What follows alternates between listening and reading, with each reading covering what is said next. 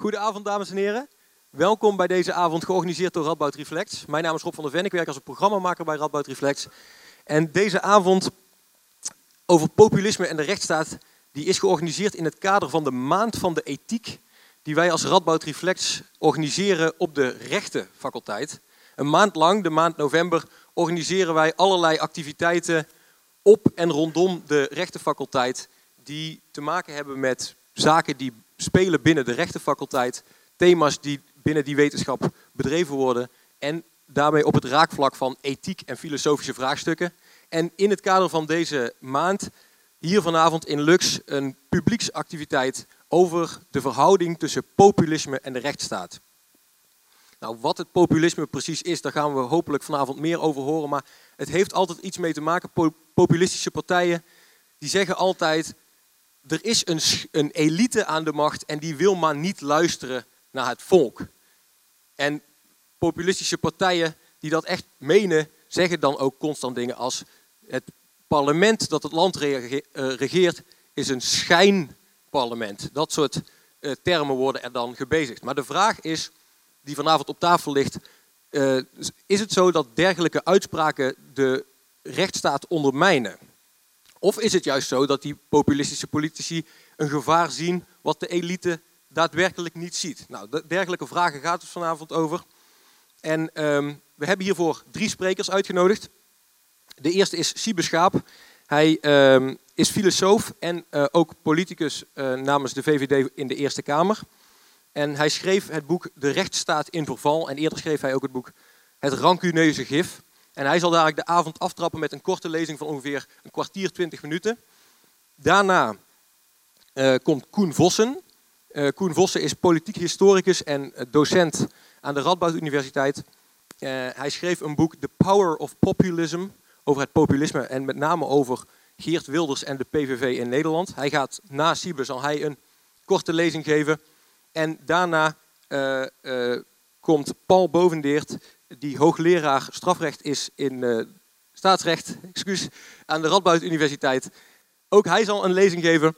En daarna gaan we over deze thematiek in discussie onder leiding van Tim Houwen. En Tim Houwen is ook medewerker aan de Radboud Universiteit en hij promoveerde op het onderwerp populisme en de verhouding tussen populisme en democratie. Dus ik wil u al een hele fijne en uh, ook leerzame avond we uh, wensen. En dan wil ik nu graag het woord geven aan Siebe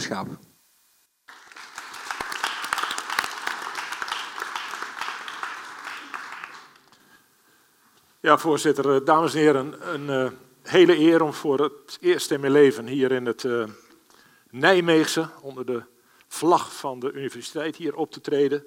Je beleeft nog eens wat op deze manier. En gevraagd is of ik iets wil vertellen over de inhoud van mijn jongste boek dan Rechtsstaat in Verval. Waarbij ik gelijk ook maar de ondertitel er even bij noem, want daar concentreert het zich vooral op. Namelijk verhandeling over wat ik dan noem de lange mars door de instituties. Een mooi zinnetje dat ik uh, ontleen of heb overgenomen van een oude radicaal uit Duitsland, uh, linksradicaal Rudi Dutschke, maar daar kom ik zo nog even op. Nou, de beide laatste boeken die ik geschreven heb zijn al genoemd. Dat uh, zijn twee boeken waar ik voor het eerst de PVV in noem. dat heb ik geweten. Uh, vooral dankzij mijn eigen partij, of ik moet eigenlijk zeggen partijtop. Want uh, vier jaar geleden toen uh, was Mark Rutte net een onderhandeling met de PVV over de voortgang van zijn kabinet. En toen dreigde mijn boek uit te komen. Dat werd per ongeluk in interne kringen bekend. En toen is er een beetje druk op me uitgeoefend om toch vooral nog maar even te wachten met publicatie. Dat had nog wel goed afgelopen geworden als de media daar niet achter waren gekomen kan het echt niet helpen, dat heb ik niet gedaan. Nou, toen was ik heel even bekende Nederlander, vanwege de reacties uh, uit de partijtop. Uh, toen het laatste boek, uh, de rechtsstaat in verval kwam, dacht ik van, ik zal nog voorzichtiger worden. want ik wil hier vooral niet het verkeerde nieuws mee halen. En nou, dat liep helemaal verkeerd af, want een klein kopje in de trouw dat ik in een zeker opzicht de PVV nog gevaarlijker vind dan de NSB, maar dat ging dan uitsluitend over het leidersprincipe. En toen ontvlamde alweer de partijtop. Dus uh, het valt niet mee om uh, filosofie en uh, politiek actief te combineren. Maar we houden goede moed. Ehm, ik behandel in beide gevallen wel de PVV en nu ook, maar noem de PVV vooral een symptoom. iets wat zichtbaar maakt, misschien ook wat duidelijk zichtbaar, hoewel populisme, Wilders, uh, buitengewoon uh, weerbarstige materie is om in door te dringen van wat is dit nu eigenlijk, wat gebeurt hier? En ook omdat het uh, niet alleen in Nederland zich voltrekt, maar nou, min of meer wereldwijd. excessieve voorbeelden van populisme, dat is natuurlijk Rusland van Poetin. maar je ziet het nu ook in Amerika helemaal losbarsten en dat ziet er als je een beetje rechtsstatelijk denkt, nou ja, ook niet al te best uit, als ik het zo voorzichtig mag uitdrukken. Dus er gebeurt nogal wat en ik vind Wilders en zijn PVV vooral een symptoom. Met andere woorden, het probleem zit veel dieper en je moet vooral ook het wijder, laten we zeggen, onderkennen en proberen te analyseren dan alleen maar Wilders naar voren halen. En eens even kijken wat, wat die allemaal aan het doen is. En als je al goede analyses wilt plegen, begin dan vooral niet met lelijke scheldwoorden. Zoals uh, bijvoorbeeld gebeurd is met de eeuwige terugkeer van het fascisme en dan wilde ze als fascist afschilderen. dan breng je de analyse terug tot een partijtje scheldwoorden. en daar heb je helemaal niks aan. Vooral ook omdat Wilders helemaal geen fascist is. Maar wat is hij dan wel? Nou, daar zullen anderen ook het nodige van zeggen. rechtsstaat. Ik hanteer in mijn boek een uh, uiterst ruime definitie van rechtsstaat. Je kunt het heel nauw trekken. Dan zeg je, rechtsstaat dat is vooral het functioneren van de rechterlijke macht. En als dat al te smal is, dan doe je de hele justitiële kolom doe je erbij. En dan zeg je, nou, daar moeten we eens even goed op letten. Gaat daar wat fout? Uh, vindt daar verval plaats? Nou, daar heb ik een vrij simpele stelling over. Dat valt allemaal best mee. de rechterlijke macht en de daarbij behorende kolom in Nederland die functioneren prima. En als je wel commentaar hebt, dan kun je er rustig over discussiëren. En het kan wel anders. Je kunt ook rustig erover hebben. Is strafrecht nu vooral brekende gerechtigheid? Of moet je het evenwicht terugbrengen in de samenleving? Dus mensen weer resocialiseren of wat anders. Maar dat zijn allemaal nog redelijk open discussies. Behalve dan dat van buitenaf toch wel heel veel nadruk uh, komt te liggen op het handhaven van de veiligheid en het inzetten van de rechterlijke macht uh, met veel uh, strafrecht streng straffen. Maar dat is geen uh, beweging van binnenuit uit de rechterlijke macht, maar uh, dat komt vooral van buitenaf. Zeker vanuit de politiek, maar ook uit de bevolking. Nou, een iets bredere definitie van rechtsstaat, dan zit je bij de trias politica. dat is de scheiding der machten die we in de loop der geschiedenis hebben opgebouwd. dat is het ontwikkelen van de rechtsstaat, de, de bijbehorende democratisering, het gevecht dat geleverd is tegen de almacht van wat we tegenwoordig de uitvoerende macht zouden noemen. En uh, nou, daar wringt zich dan uh, de wetgevende macht, het parlement wringt zich daar doorheen en omheen. En uh, we trekken de, de, de rechterlijke macht, de rechtspraak, ook los uit die uitvoerende macht. En dan krijg je dus de scheiding der machten, waarbij je met het woord scheiding ook wel een beetje moet oppassen. Het zijn vooral onderscheiden machten die onderling echt wel communiceren. Hè, want de rechter werkt natuurlijk ook onder het gezag van de wetgeving en dus weer van het parlement. Nou, dat, uh, die behandel ik wel, vooral omdat ik wat mistroostig zit te kijken naar hoe het parlement zo langzamerhand gaat functioneren. En uh, nou ja, als eerste Kamerlid voel ik me natuurlijk wel wat verheven boven de overkant, zeg maar. De Tweede Kamer, daar uh, is toch wel wat in beweging, waar je vanuit rechtsstatelijk oogpunt een paar vragen bij kunt stellen. Bijvoorbeeld dat de essentie van de macht of van het gezag zich weer aan het verplaatsen is richting de uitvoerende macht, het kabinet, departementen, die het weer heel goed met Jan en allemaal weten te regelen, zoals bijvoorbeeld in sociale akkoorden, hè, rechtstreeks eh, met de belangengroepen aan tafel. En uh, nou, dan krijg je zoiets dat er dan een regeerakkoord wordt gesmeed waar de Tweede Kamer een half uurtje naar mag kijken en dan vooral een klap erop geven en dan hebben we het gehad. Uh, dat vind ik een beetje in rechtsstatelijke zin een linkontwikkeling, want dan krijgt de uitvoerende macht wel heel veel te vertellen. En uh, in de weeromstuit zie je ook dat de Tweede Kamer steeds meer zelf uitvoerend machtje gaat spelen. Maar ik noem het maar met een verkleinwoord. Uh, een stortvloed aan kamervragen, uh, moties. Hè, je overal mee bemoeien, vooral met de uitvoering tot in detail. Uh, lijkt mij niet helemaal verstandig. Wat dat betreft is het me goed dat de Eerste Kamer nooit in het nieuws komt. En dat moet ook zo blijven. Dan heeft het ook niet zoveel zin om Kamervragen in te dienen en al te veel uh, te gaan zwaaien met moties, want dat komt toch nooit naar buiten. Dus daar word je vanzelf wel een beetje uh, uh, bescheiden van. tot zover opmerkingen over de Eerste Kamer, want verder onthoud ik me ervan. Ehm, dit onderdeel van ehm, de rechtsstaat krijgt bij mij dus wel veel aandacht, maar ik trek het nog veel breder. En dat is namelijk naar het algehele institutionele raamwerk in de samenleving. De wijze waarop wij de samenleving georganiseerd hebben, waarbij eh, de staatsorganen, en dus ook die trias politica, eigenlijk een onderdeel is. Want een rechtsstaat kan niet functioneren als er niet meer voor elkaar is. En dat hebben wij in de loop der geschiedenis langzaam maar zeker weten te ontwikkelen, eh, gestalte te geven, en dat zijn onze instituties. Wat? Nou, bijvoorbeeld onderwijs. Gekwalificeerd onderwijs, maar ook met de nodige afhankelijkheid. Onderzoek.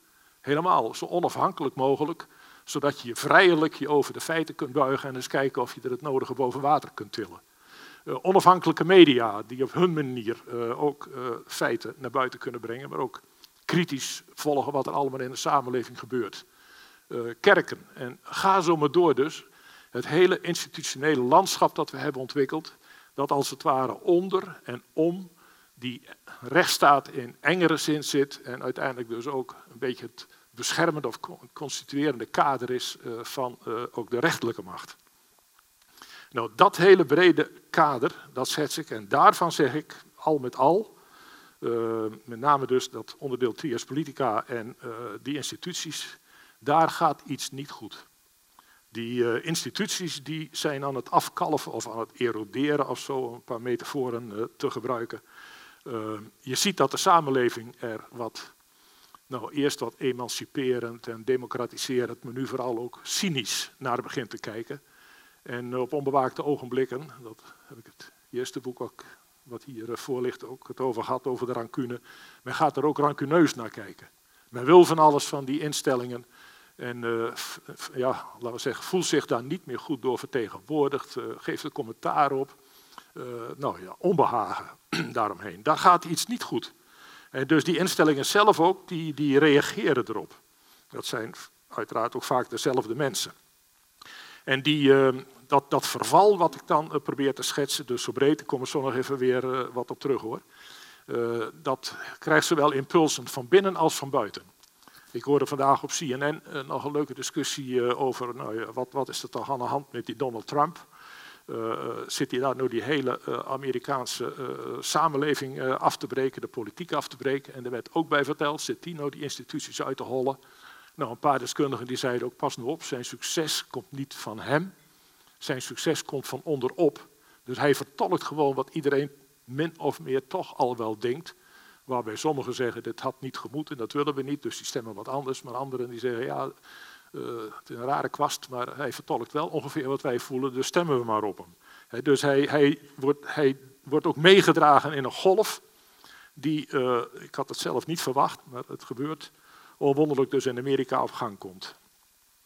Nou, dat verval dat, uh, komt dan in de ondertitel van mijn boek terug. Dus die mars door de instituties. En die mars dat is ook weer van buiten en van binnen.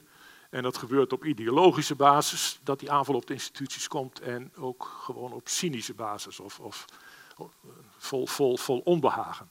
Bij Rudi Dutschke in de tijd, eh, die hoorde dan bij die eh, radicale Duitse studentenbeweging, eh, was het wel duidelijk ideologisch geprogrammeerd en ook doordacht.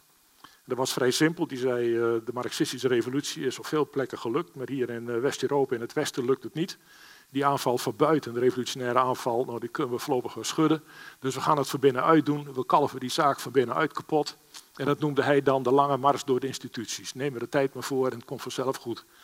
Nou, ik denk dat dat aan de linkerkant van het firmament wel een klein beetje nou, verdwenen is of zo, die, uh, die uh, radicale hartstocht. Maar nu zie je het aan wat dan nog altijd een beetje de rechterkant van het firmament, daar zie je het nu terugkomen. En dat is namelijk in de PVV, bij Trump en waar dan ook allemaal maar. Dus die mars is opnieuw ingezet, maar nogmaals, van buiten en van binnen. Instituties, wat is dat? Nou, eh, het zijn niet zomaar de organisaties of de organisatiestructuren die wij in de samenleving kennen, en dat zijn er ontzettend veel, maar het is ook een bijzondere typologie die erbij hoort. Namelijk dat die eh, organisaties dat die met gezag kunnen opereren. En gezag is voor mij een tegenbegrip van macht. Macht, dat is opleggen.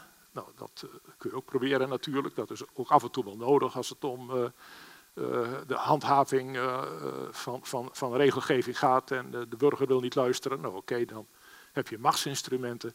Maar daarmee red je het alleen niet in een beetje geordende en zeker ook democratische samenleving die organisaties waar je mee te maken hebt, die moet je ook herkennen als van jou.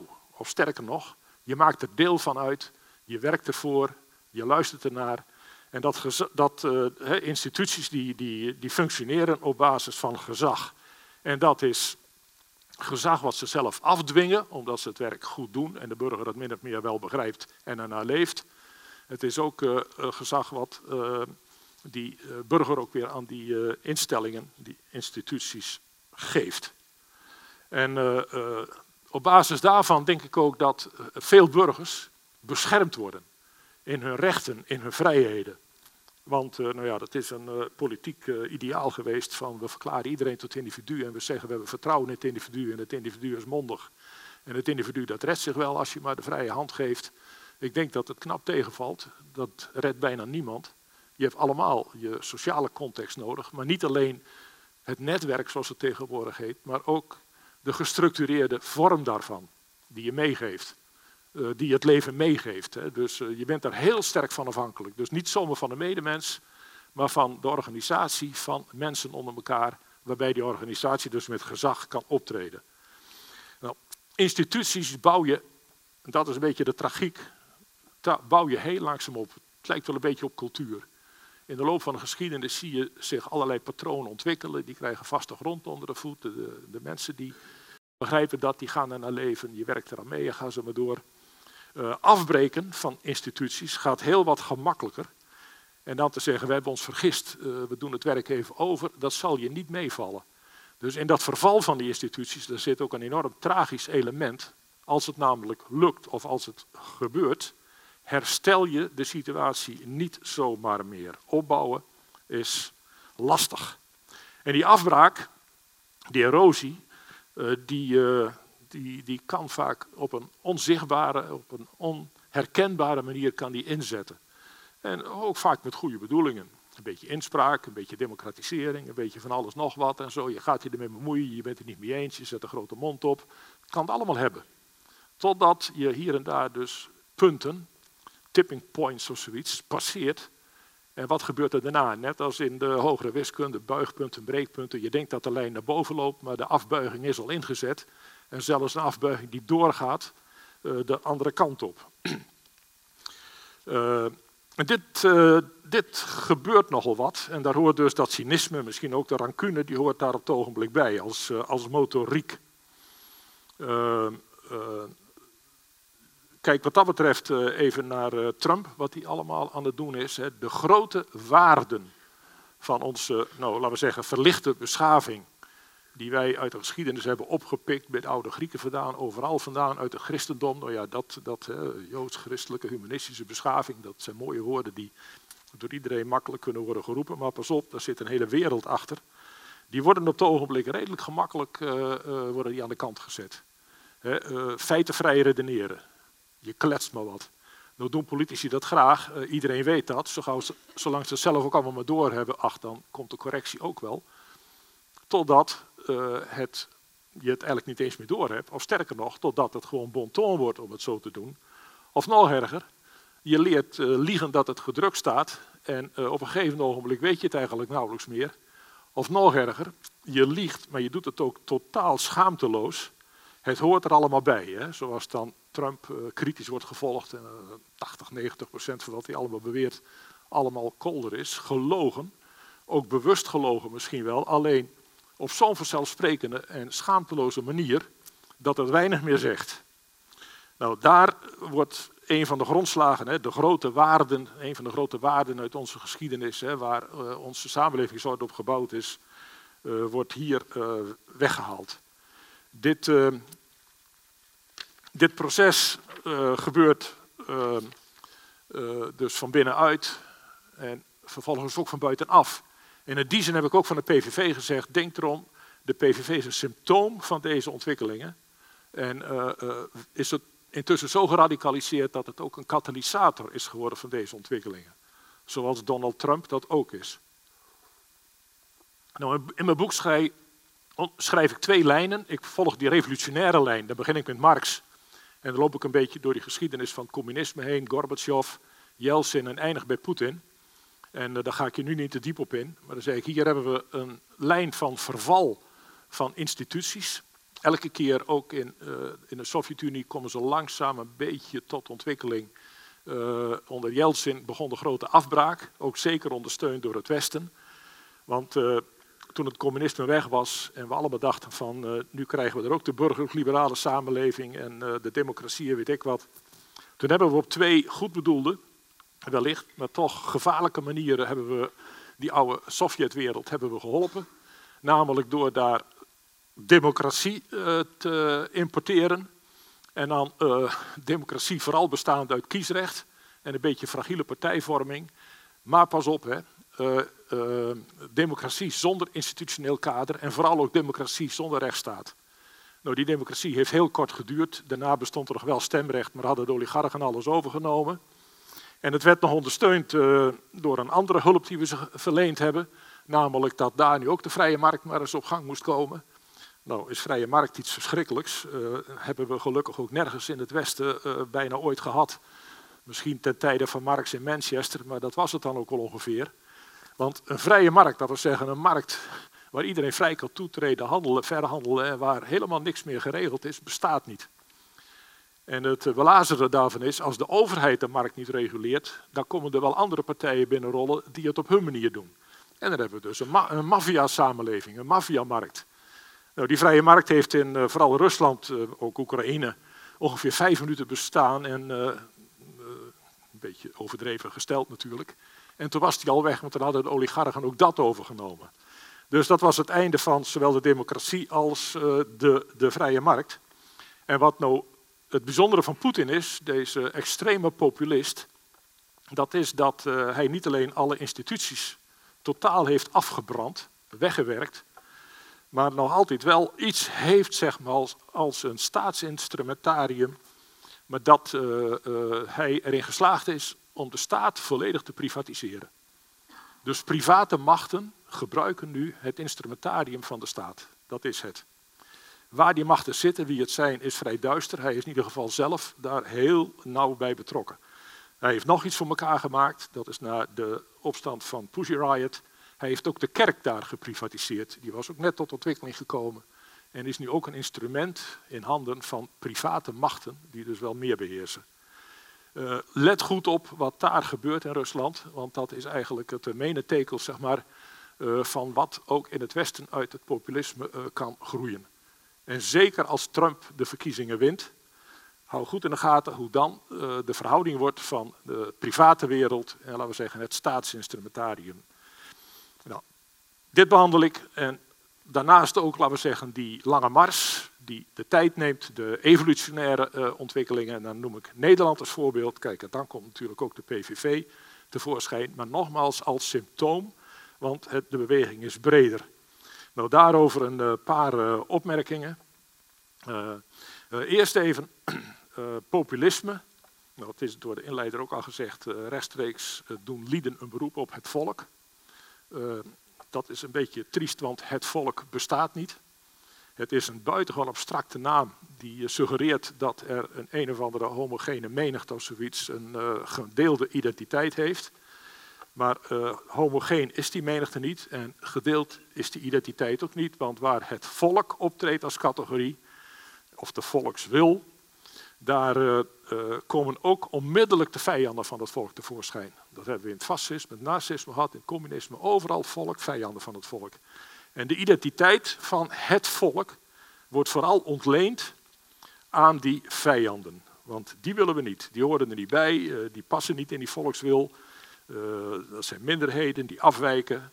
dus het volk is vooral een negatieve identiteit. Voor de rest hoef je er niet veel van te verwachten van populisme. Vandaar dat ze ook weinig constructief zijn, maar vooral destructief. Ze doen nog wat, dat is ook heel opmerkelijk, het, maar ik zult er misschien nog wel verstandige dingen voor kunnen zeggen dan ik. het nieuwe populisme breekt de geschiedenis af. Er is geen verleden meer. Dan praten ze natuurlijk wel graag over het verleden. Maar dat, let maar hoe ze over Nederland praten, over ons prachtige verleden, wat door de elite wordt vernietigd en door de islam en door Joost heette wie allemaal. maar het is vooral een fictie. Een fictie van mooie woorden, die nergens op slaat.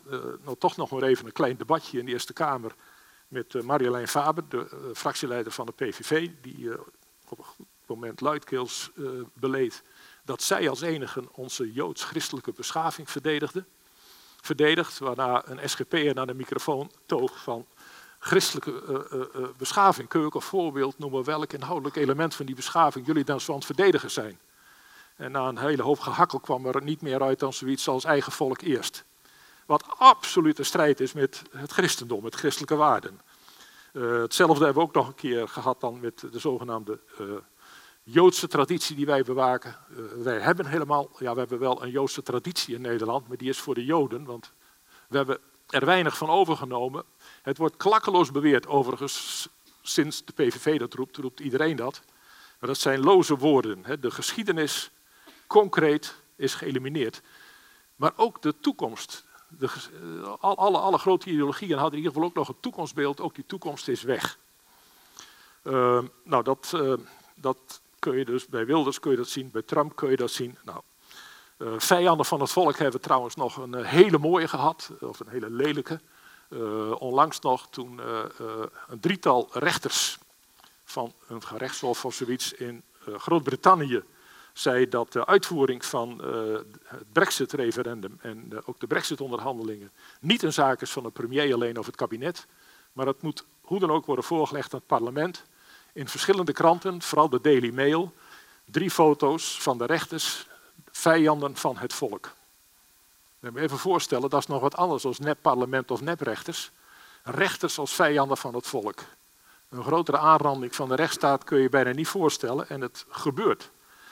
Dus dat symptoom dat overal ligt te verroeten en te broeden, en dat breder is, dat kan heel gemakkelijk exploderen. Kijk naar Amerika, maar kijk nu ook naar Groot-Brittannië. Nou, dan nog een paar uh, laatste. Ik weet niet, dan ben ik er al uh, nog één minuut. Ik ben er bijna door. Ik, in mijn boek probeer ik heel duidelijk weer te geven dat dit symptoom dus een bredere voedingsbodem heeft.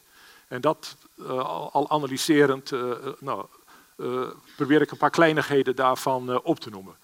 Bijvoorbeeld de wetgeving in Nederland. Nou, wet, de wet vind ik een institutie bij uitstek. Uh, wij vallen allemaal gelijkelijk onder de wet.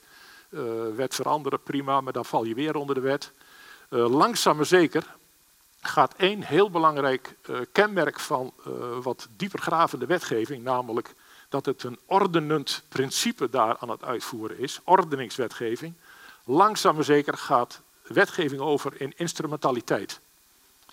Wetgeving wordt gewoon gebruikt als je politiek opportune doelen stelt en uh, die zo snel mogelijk wil realiseren. Met als klein schrikbeeld, voor mij in ieder geval, de politiewet.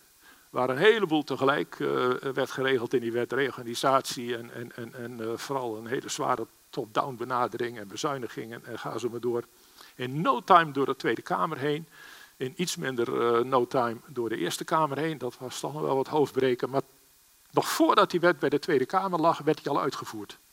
Toen werden de eerste benoemingen al gepleegd en werd de hoofdstructuur van de nieuwe orde werd er al neergelegd. Dit, dit soort ontwikkelingen uh, zijn uitermate uh, gevaarlijk, vanwege namelijk de politisering van niet alleen de politiek, snel successen boeken, snel iets voor elkaar willen maken, omdat het volk het wil, omdat de veiligheidsdoelstelling dat wil, omdat Joost weet wat allemaal maar dus ook het institutionele raamwerk daarop wordt aangepast. En je ziet nu wat het, wat het gevolg is. De, politieorganisatie werkt niet al te best meer. De mensen zelf worden cynisch. De wereld eromheen die zal uh, binnenkort wel cynisch worden. Nou, dat, dat soort zaken, die uh, ondermijnen dus dat institutionele raamwerk van onze samenleving. En laatste, dan stop ik echt. Uh, dat is de ontwikkeling in de democratie. Nou, dat hebben we ook allemaal meegemaakt. Uh, het kan niet direct genoeg. Nou ik, in eigen bestuurspraktijk ben ik echt wel voor directe democratie, maar dan als aanvulling, waar het heel concreet wordt in uitvoering, uh, als, in aanvulling op de representatieve democratie. Nou, we hebben nu de referendumdemocratie. Nou, je kunt bijna wereldwijd kun je zien wat daar de gevolgen van zijn. Eén grote mobilisatiedrang van het nee, het cynisme, het niet meer meedoen, met uh, alle gevolgen van dien. Hè. Alweer, uh, de democratie ordent niet, de democratie polariseert, jut op en ondermijnt vooral ook zichzelf als democratie. En, en dan stop ik. Het gevaarlijkste, maar ik wil misschien in de discussie nog op terugkomen. Zo kan zelfs de democratie, die toch onlosmakelijk verbonden is met de rechtsstaat, ook nog een gevaar worden van de rechtsstaat. Bedankt.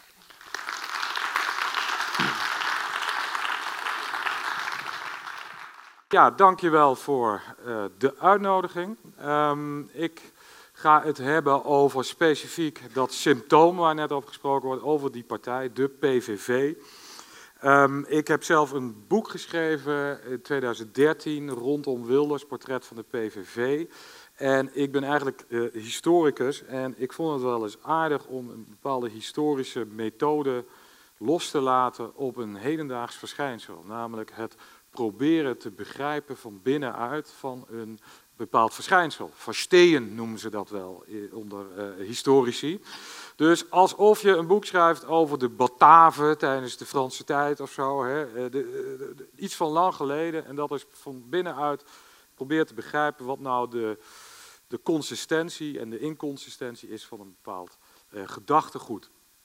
Nou, dat boek is inmiddels ook, want dat willen universiteiten tegenwoordig graag, die vinden dat maar niks als je in het Nederlands een boek schrijft. Dus dat moet ook in het Engels, dat is inmiddels ook uh, gebeurd, in het Engels vertaald.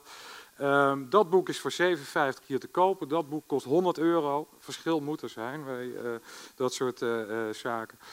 Um, ja, toen ik met dit onderwerp bezig was, is misschien wel een paar dingen aardig, is als je het over de PVV hebt, dan heb je het over kitsch in bepaald opzicht. Het is alsof je de professor kunstgeschiedenis bent die over kitsch gaat praten. Het huilende zigeunerinnetje. Dit is niks, dit is geen kunst. Dit is geen... En dat geldt ook een beetje voor de PVV. Als je als politi politicoloog, politiek historicus je met een partij als de PVV bezighoudt, dan hou je met iets bezig waar men uitgesproken negatief over is.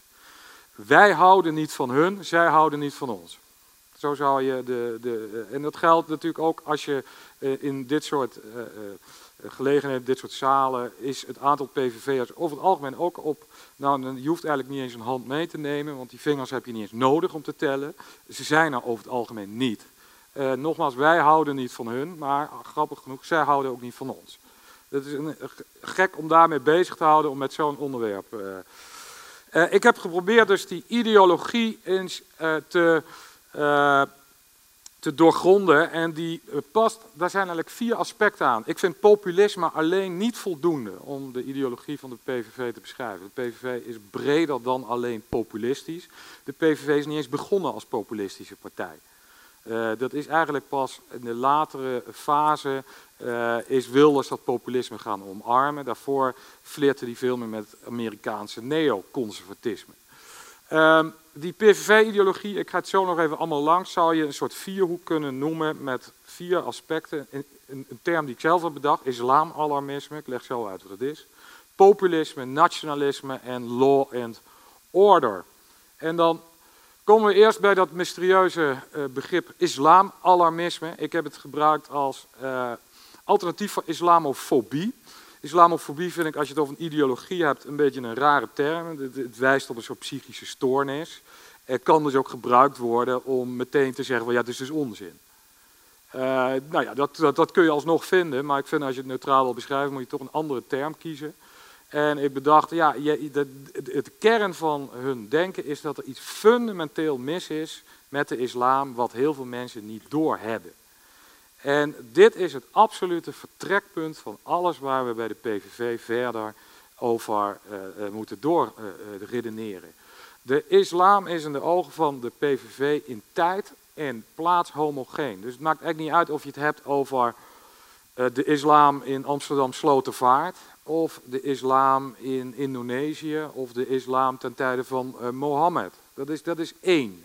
Dat is in tijd en plaats. En het is ook er wordt ook ontkend eigenlijk dat er een interne verscheidenheid is binnen die uh, islam. Het is echt een homogeen.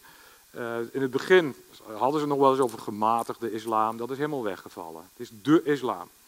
En als je dan het boek leest van Wilders, wat heel weinig mensen in Nederland hebben gedaan en meer mensen zouden moeten doen, Marked for Death, dan krijg je toch een heel opvallende uh, visie op de geschiedenis.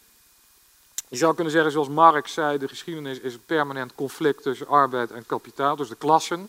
Zo zegt Wilders in wezen, de geschiedenis is, uh, althans de laatste duizend jaar, een permanente strijd tussen de islam en het Westen. De islam die erop uit is de wereld te veroveren, heeft twee keer geprobeerd Europa te onderwerpen. Eén keer tegengehouden door Karel Martel bij Poitiers, één keer bij Wenen, de poorten van Wenen.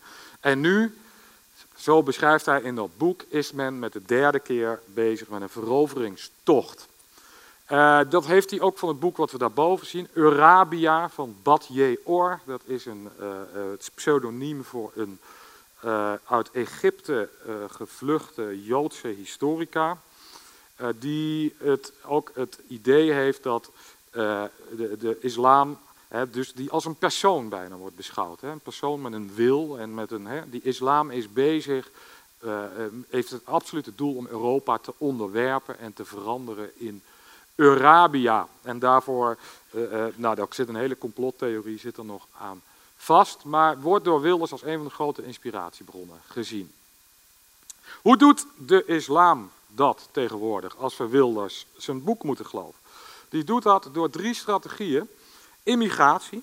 Immigratie is uh, dus, om, om nu over uh, even de, de, de situatie nu, de Syrische vluchtelingen uit Syrië, niet alleen Wilders, maar ook iemand als Viktor Orban in Hongarije, ziet dat niet zozeer als oorlogsvluchtelingen. Die zien daadwerkelijk een bewuste strategie van immigratie naar het westen toe, om hier uiteindelijk te vestigen en Europa te islamiseren. Immigratie is een methode om uh, uiteindelijk dat Westen te onderwerpen. En daarbij wordt verwezen naar het voorbeeld van uh, Mohammed uh, in de Koran, die op een gegeven moment naar Medina zijn getrokken. daar de oorspronkelijke bevolking zouden hebben weggejaagd door middel van intimidatie, de stad hebben overgenomen en geïslamiseerd. Nou, zie daar het model wat zou gelden voor Europa. Er komt een groep hier die uh, uh, intimideert de uh, bevolking die daar woont, onder meer door, het, door criminaliteit, door uitvoerig gebruik maken van sociale zekerheid, allemaal zaken die volgens de islam, zoals Wilders die beschrijft, een methode zijn om het Westen te onderwerpen. Een ander fenomeen is wat hij noemt takia heeft hij het vaak over, is dat moslims mogen liegen uh, in uh, vreemd gebied en mogen ware uh, aard en gedachten verbergen. Waardoor de kern eigenlijk hiervan is, is dat je dus ook geen gematigde islam kan bestaan, want dat kun je niet vertrouwen.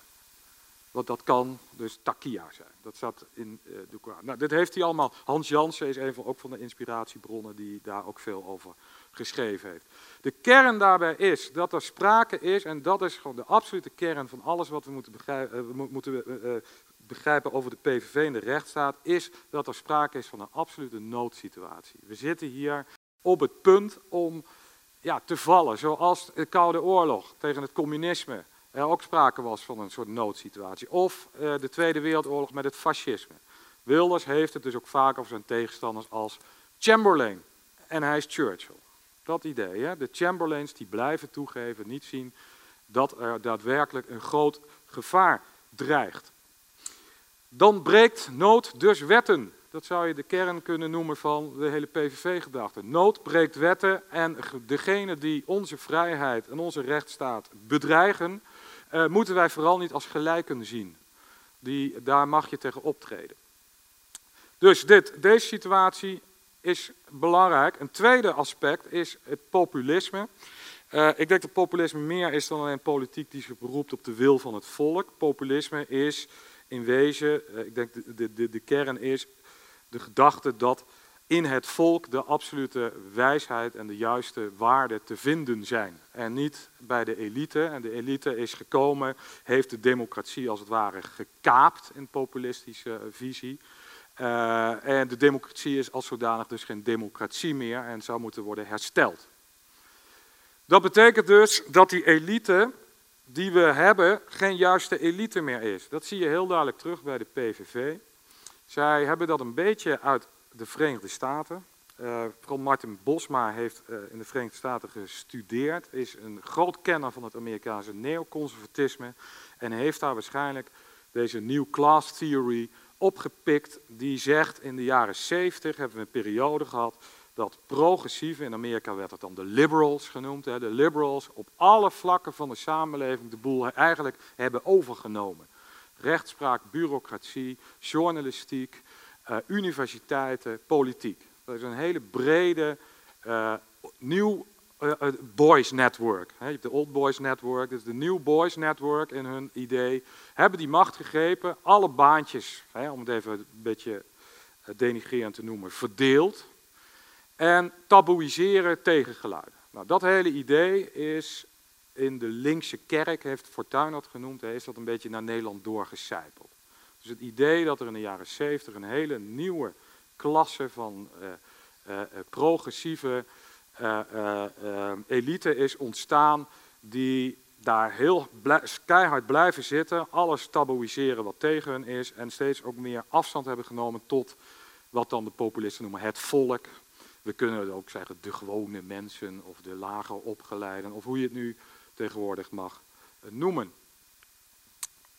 Belangrijk daaraan is, die elite die zorgt ervoor dat wij totaal niet meer weerbaar zijn. Er dreigt nu een enorm gevaar. Die islam staat op het punt om ons te veroveren.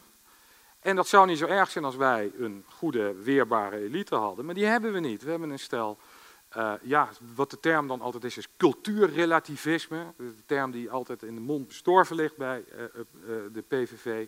Cultuurrelativisme, die niet zien dat de islam een daadwerkelijk groot gevaar is en niet een gelijkwaardige cultuur waarmee je een wereldfestival kunt opzetten of dat soort zaken. Dit is, iets heel ernstigs wat aan de hand is.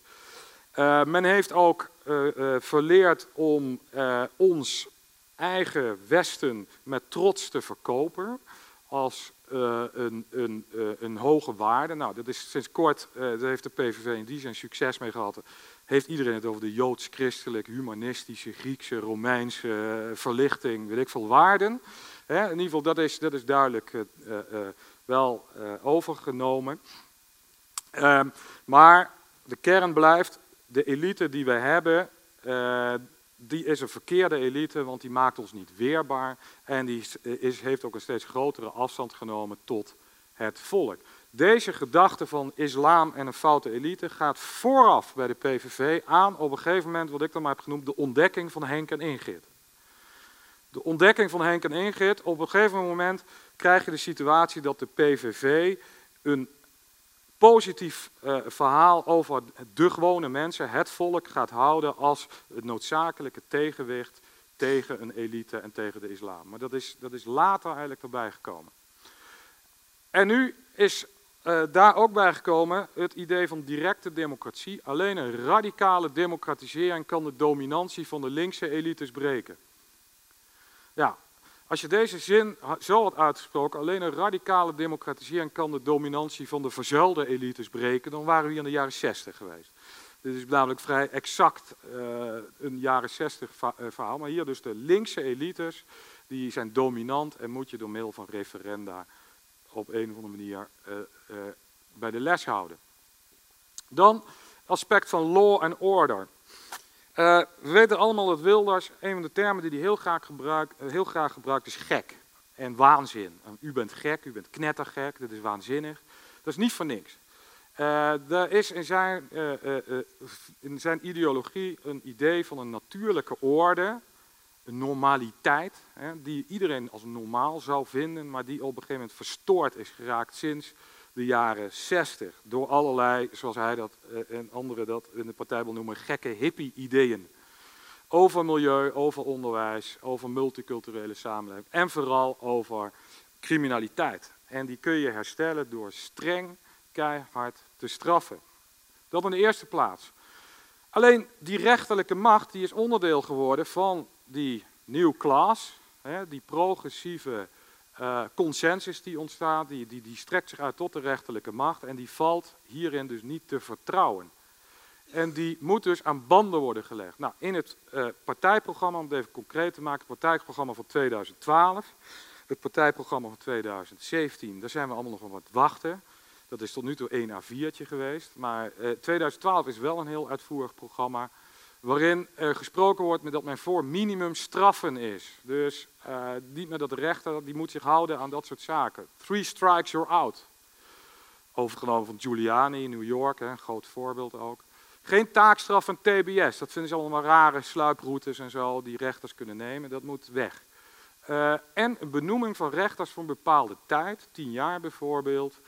Uh, en als ze dan goed functioneren, dan mogen ze verder. Maar als ze te lichte straffen blijken te geven, blijk, hè, dan zouden ze kunnen worden ver, verwijderd. Daarnaast ook een rechtstreekse verkiezing van de Hoge Raad. Geen juryrechtspraak, daar heeft hij even mee geflirt, uh, is hij tegen.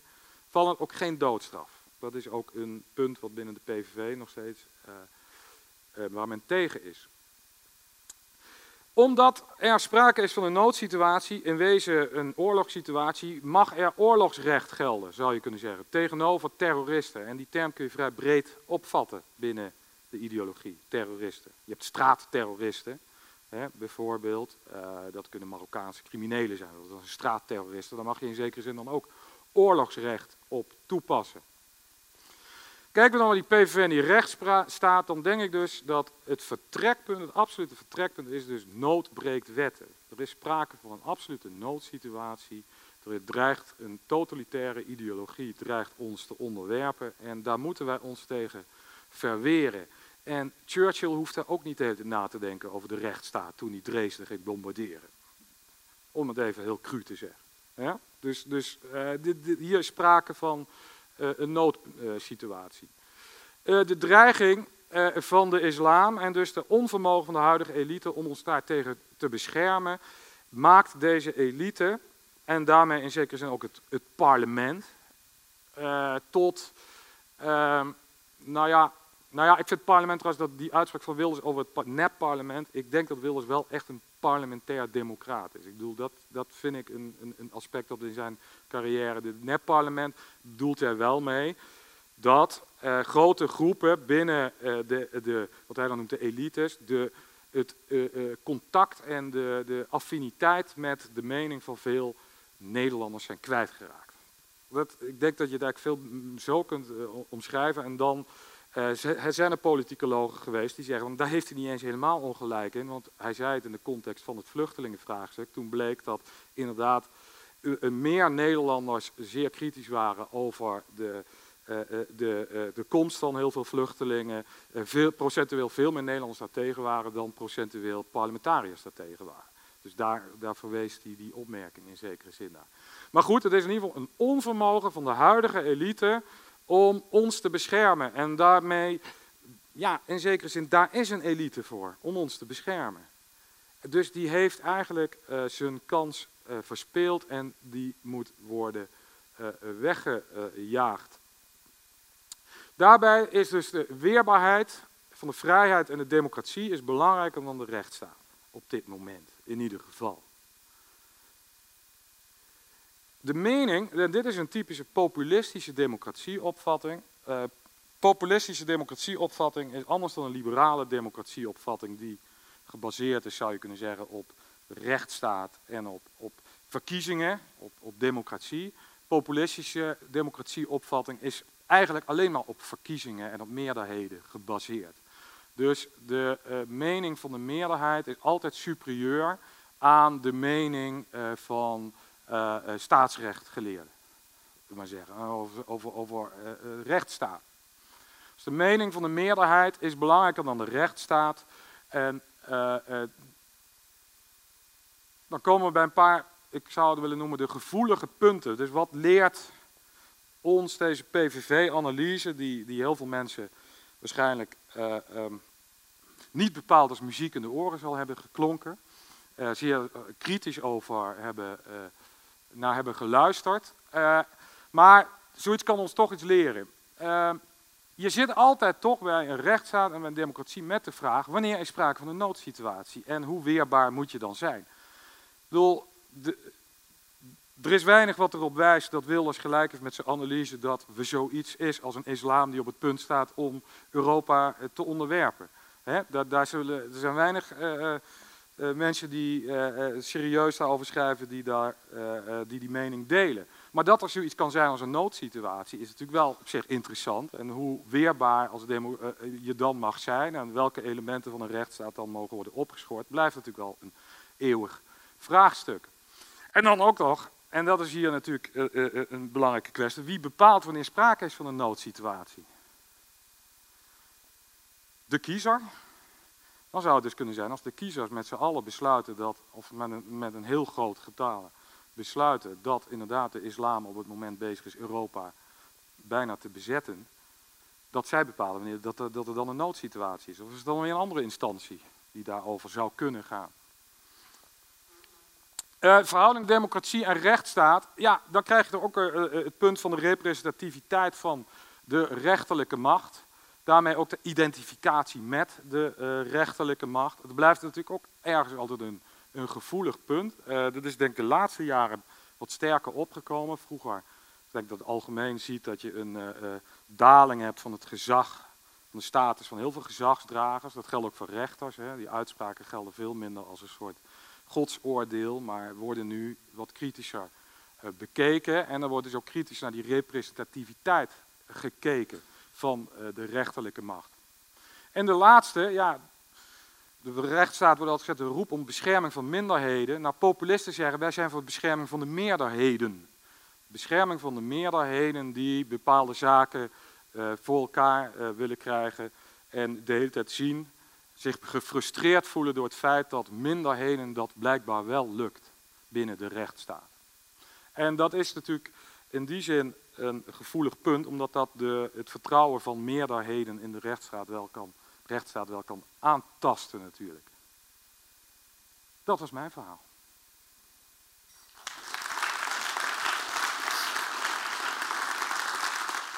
Ja, ik heb geen boek in de aanbieding, helaas. Dus, en ook geen PowerPoint. En uh, mij is gevraagd om uh, te reflecteren op de rechtsstaat. En ik denk dat het populisme en eh, de PVV eh, daarbij maar zijdelings aan de orde komt. Aan het einde misschien wat meer, maar dat hangt dan samen met het feit dat ik ook iets wil zeggen over uh, politieke partijen, het gezag van het parlement en de ambtelijke integriteit in het parlement. Dan komt vanzelf de PVV terug. Um, ja, ik zie allerlei definities van uh, de rechtsstaat uh, voorbij komen. De een nog ruimer dan de andere. Uh, maar ik denk niet dat het een, een, vrij begrip is. Dat het een theoretisch principe is wat je zomaar naar eigen inzichten kunt invullen. Ik denk dat het toch wel vaste kernelementen heeft. En het is wel aardig om te vermelden, het zal u waarschijnlijk wel ontgaan zijn dat op 8 juli 2016 eh, eh, het kabinet Rutte een wetsvoorstel heeft ingediend voor een nieuwe algemene bepaling in de grondwet. En die algemene bepaling, als die er komt, dat gaat natuurlijk nog een hele tijd duren, die gaat dan luiden, de grondwet waarborgt de democratie, de rechtsstaat en de grondrechten. Prachtige klaroenstoot die dan eh, aan het begin van de grondwet komt te staan. En in de toelichting op die bepaling, dan zien we heel goed wat nou onder een rechtsstaat verstaan moet worden. En dat staat natuurlijk in het legaliteitsbeginsel, dat machtsuitoefening door de overheid alleen mag plaatsvinden op grond van een voorafgaande wet en binnen de grenzen door het recht getrokken. De machtenscheiding, al eerder vermeld, inhoudend dat er drie categorieën overheidsmacht zijn, wetgeving, uitvoering, rechtspraak, u kent het wel. Die worden uitgeoefend door drie te onderscheiden staatsmachten, een onafhankelijke, met rechtspraak belaste rechterlijke macht en de bescherming van grondrechten. En als je nou die toelichting leest en ook nadenkt over dat begrip eh, rechtsstaat, dan zie je dat het belangrijkste in die benadering van de rechtsstaat is de rechtsbescherming van de burger tegen de overheid. Die rechtsbescherming zit hierin dat de overheid alleen mag handelen grond van een voorafgaande regeling, dat we een evenwichtige spreiding van staatsmacht hebben, dat er geen machtsconcentratie is bij één van de staatsmachten. Het voorbeeld is al genoemd van Rusland. Ehm, dat de burger erop kan rekenen dat hij daadwerkelijk rechtsbescherming krijgt van een onafhankelijke en onpartijdige rechtelijke instantie. En dat die onafhankelijke rechter voor ons waarborgt dat wij een beroep kunnen doen op grondrechten en dat de overheid daar geen inbreuk op mag maken. Dat is, denk ik, een min of meer vaste eh, indeling van dat eh, rechtsstaatbeginsel in een aantal kernelementen. En als je nou gaat kijken in hoeverre die rechtsstaat op dit moment bedreigd wordt in Nederland, dan valt het allemaal natuurlijk wel mee. En ik denk in ieder geval niet dat populistische partijen op dit moment die rechtsstaat eh, bedreigen. Als je denkt in termen van bedreigingen, dan zou ik denken bijvoorbeeld toch aan de rechterlijke macht, die een betrekkelijk zwakke positie inneemt in de rechtsstaat op dit moment. En dat komt omdat opeenvolgende kabinetten, en meer in het bijzonder opeenvolgende ministers van Veiligheid en Justitie, meer in het bijzonder de heer Opstelten en de heer Van der Steur, laatstelijk, um, niet zijn opgekomen voor de rechterlijke macht, uh, steeds gekort hebben op die financiering, zodat het steeds moeilijker wordt om tijdige en behoorlijke rechtspraak tot stand te brengen en een hele slechte organisatiestructuur voor de rechterlijke macht hebben gecreëerd, waarin de minister van Veiligheid en Justitie veel te veel invloed heeft via het financieringsinstrument op de rechterlijke macht. Ik denk dat dat echt een serieuze bedreiging is voor de rechtsstaat, die uh, invloed van uh, justitie op de rechterlijke macht, en met name via het financieringsmodel, wordt zeer onderschat. En als je nou iets zou moeten doen om die rechtsstaat te beschermen, dan zou je eens goed moeten kijken naar de positie van de onafhankelijke rechter in de rechtsstaat. Maar het is al gezegd, in Politiek Den Haag heeft het bevorderen van goede rechtspraak alles behalve prioriteit. Uh, men vergeet echter dat een zwakke rechtelijke organisatie het grootste risico is voor de rechtsstaat. Kijk, een zwakke regering, dat is niet zo erg. En een klungelig parlement, daar valt ook nog wel mee te leven. Maar het ontbreken van een onafhankelijke en onpartijdige rechter, dat is echt heel serieus. Als dat het geval is, dan kunt u beter gaan emigreren.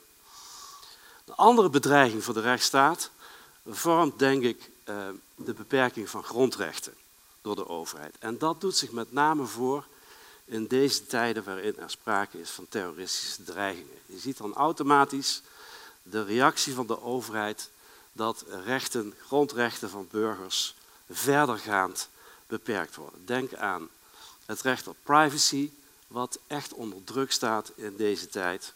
Denk bijvoorbeeld aan de herziening van de wet op de inlichting en veiligheidsdiensten, waarin die veiligheidsdiensten steeds verdergaande bevoegdheden krijgen om in te grijpen in onze privacy. Dat zijn ook serieuze bedreigingen van onze rechtsstaat, ehm, ja, die losstaan van het populisme. Um, maar goed, uh, hoe zit het dan, even los van dat algemene uitgangspunt uh, van de rechtsstaat, met populistische partijen in die rechtsstaat? Ja, ik vind het begrip populistische partij eigenlijk een ondeugdelijk begrip. Want populisme is eigenlijk gewoon naar de mond praten. En daar hebben gevestigde partijen tegenwoordig ook een handje van. Ik denk aan Mark Rutte, die uh, bij zomergasten met zijn blouse veel te ver open uh, riep pleur op over een stel uh, Turkse Nederlanders die wat ja, kabaal zaten te maken bij een demonstratie. In een verder verleden was een mooie populist in onze politiek, Hans Wiegel. Die kon er ook wat van. En Dries van Acht, was, die was af en toe ook best wel populistisch. Dus ik vind populisme als zodanig uh, niet zo'n probleem als je het volk wil aanspreken en dat uh, steeds zegt, ah, de mensen thuis, uh, die vinden dit en die vinden dat. Dat is allemaal niet zo bijzonder. Het wordt pas vervelend en gevaarlijk als het gaat om partijen die zich tegen de rechtsorde in de rechtsstaat keren. En eigenlijk is zojuist ja, daar toch eigenlijk ook wel een voorbeeld van gegeven. Hè? Van de PVV die zich toch eigenlijk impliciet, kennelijk, op onderdelen tegen de rechtsorde van de rechtsstaat keert. Dat gaat verder dan populistisch zijn. dat kun je doen door grondrechten van burgers niet meer te erkennen. Ik vind dat de PVV dat doet op het terrein van de godsdienstvrijheid, zo nu en dan. Of een onafhankelijke rechter af te wijzen. Ook dat zien we uh, gebeuren in de handelingen van die partij. Of het legaliteitsbeginsel te verwerpen. Dan uh, wordt het gevaarlijk. Dan zie je uh, dat partijen mogelijk die rechtsstaat aantasten. Nou, je zou er op twee manieren mee kunnen omgaan met zo'n partij die zich keert tegen die rechtsstatelijke rechtsorde. Ja, eigenlijk onze methode in Nederland is wat we noemen dan de leidzame democratie. Die gaat uit van volledige partijvrijheid. En die staat toe dat antidemocratische groeperingen de meerderheid verwerven. En ja, in het uiterste geval de democratische rechtsstaat afschaffen. Daartegenover staat het uh, strijdbare democratiemodel, dat is eigenlijk het Duitse model zou je kunnen zeggen. Dat model eist dat politieke partijen in hun organisatie en optreden moeten voldoen aan de belangrijkste uitgangspunten van de democratische rechtsstaat. En als ze dat niet doen, dan worden ze verboden en ontbonden en dan verliezen de leden van het parlement van zo'n partij ook hun zetel. Uh, dat leidt tot effectief ingrijpen tegen ondemocratische partijen. En de vraag is of dit uh, aan de orde is in Nederland. Of je inderdaad moet gaan omschakelen van een leidzame democratie naar een strijdbare democratie. Ik denk op zich dat er onvoldoende reden is op dit moment om dat bestaande Nederlandse model van partijvrijheid, leidzaam, uh, die partijen hun gang laten gaan om dat in te ruilen voor een Duits model gericht op een strijdbare democratie. En Duitsland heeft natuurlijk ook een hele andere achtergrond vanuit het Derde Rijk. Het is logisch dat dat land na de Tweede Wereldoorlog uh, koos voor een ander uh, model. Je zou hoogstens eventueel kunnen overwegen om dat bestaande Nederlandse model op onderdelen een beetje aan te passen. Je zou bijvoorbeeld kunnen eisen dat politieke partijen qua organisatie in ieder geval voldoen aan bepaalde basale democratische eisen. En dat is nu niet het geval.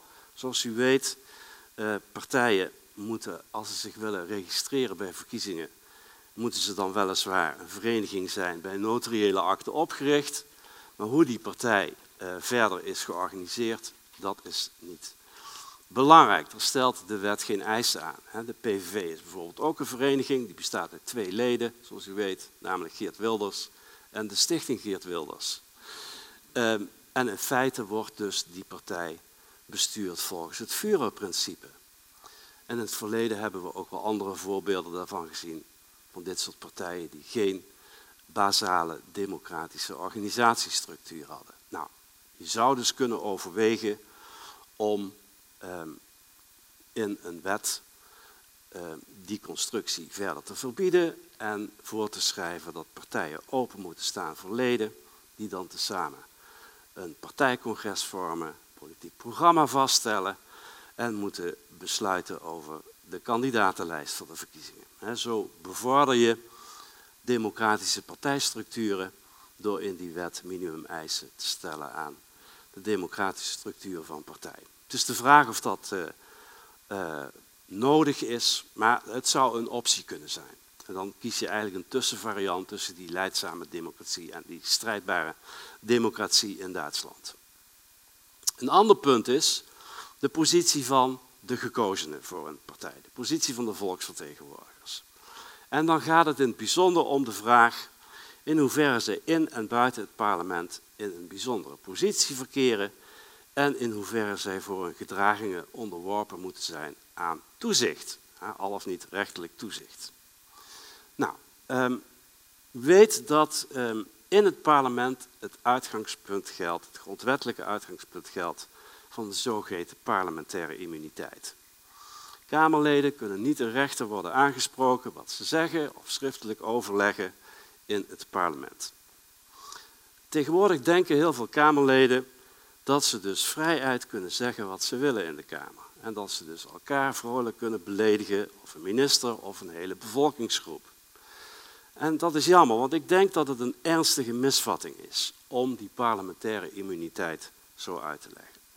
Parlementaire immuniteit betekent dat in de plaats van de rechter het parlement zelf, leest de Kamervoorzitter, toezicht houdt en Kamerleden corrigeert als ze een minister knettergek noemen, pleiten voor een kop voor de tax of elkaar uitmaken voor miserig hypocriet mannetje of puberaal doe eens normaal man roepen en dan roept de ander doe zelf normaal terug, dat was Rutte weer, of spreken van een nepparlement.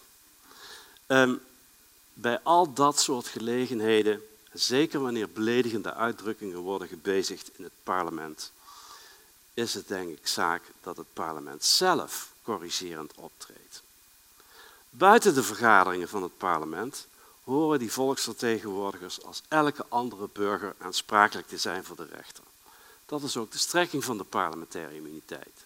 Je geniet een beperkte bescherming in de vergaderingen van het parlement, maar daarbuiten ben je gewoon, net als elke andere burger, aanspreekbaar. Dus ik heb ook geen enkele moeite met het lopende proces tegen Geert Wilders. Al vind ik de gang van zaken wel een beetje raar dat je daar drie weken voor uittrekt. Het was veel beter geweest als je gewoon door een politierechter in een half uur uh, berecht was. En dan had Wilders op de gang gewoon tussen de Marokkanen gezeten. En uh, was hij uiteindelijk uh, veroordeeld of vrijgesproken. Maar dat moet de rechter zelf uitmaken of er sprake is van een strafbaar feit. En nou, dat gaat dan hopelijk, zij het omslachtig gebeuren. Als het gaat om gedragingen in en buiten het parlement, denk ik dat daarnaast de ambtelijke integriteit van volksvertegenwoordigers bijzondere aandacht behoeft. Ook weer in de context van populisme. De laatste jaren zien we dat eh, volksvertegenwoordigers steeds vaker in opspraak komen in verband met integriteitsschendingen. En deels is daarbij sprake van integriteitsschendingen, dus misdragingen die eh, betrekking hebben op de uitoefening van de functie, Denk aan de schendingen van het ambtsgeheim. Een aantal keren voorgekomen in de Tweede Kamer. Laatstelijk nog eh, in die eh, commissie voor de inlichting en veiligheidsdiensten. Notabene de commissie van de fractievoorzitters in de Tweede Kamer. Waaruit gelekt werd naar de pers. En schending van een ambtsgeheim is niet zomaar iets, dat is een zwaar ambtsmisdrijf. We zagen dat de procedure om uh, die zaak te vervolgen, dat dat een hele zwakke procedure is. En dat de correctie van deze integriteitsschending achterwege bleef. Maar ook op andere manieren zien we uh, forse integriteitsschendingen in het parlement. Denk aan het onjuist besteden van fractiebudgetten de laatste jaren in de Tweede Kamer. De SP die het fractiebudget bestemt voor fractieondersteuning, het goed functioneren van de fractie, gewoon besteden voor een verkiezingscampagne. De PVV die het fractiebudget uh, gebruikte om advocaat Moskovits te betalen in een rechtszaak van onze belastingcenten, dames en heren. Nou, ehm, deels is ook sprake van integriteitsschendingen in een andere functie of in de privésfeer. En ook hier zien we dat die integriteitsschendingen toenemen en dat er steeds meer Kamerleden in opspraak raken.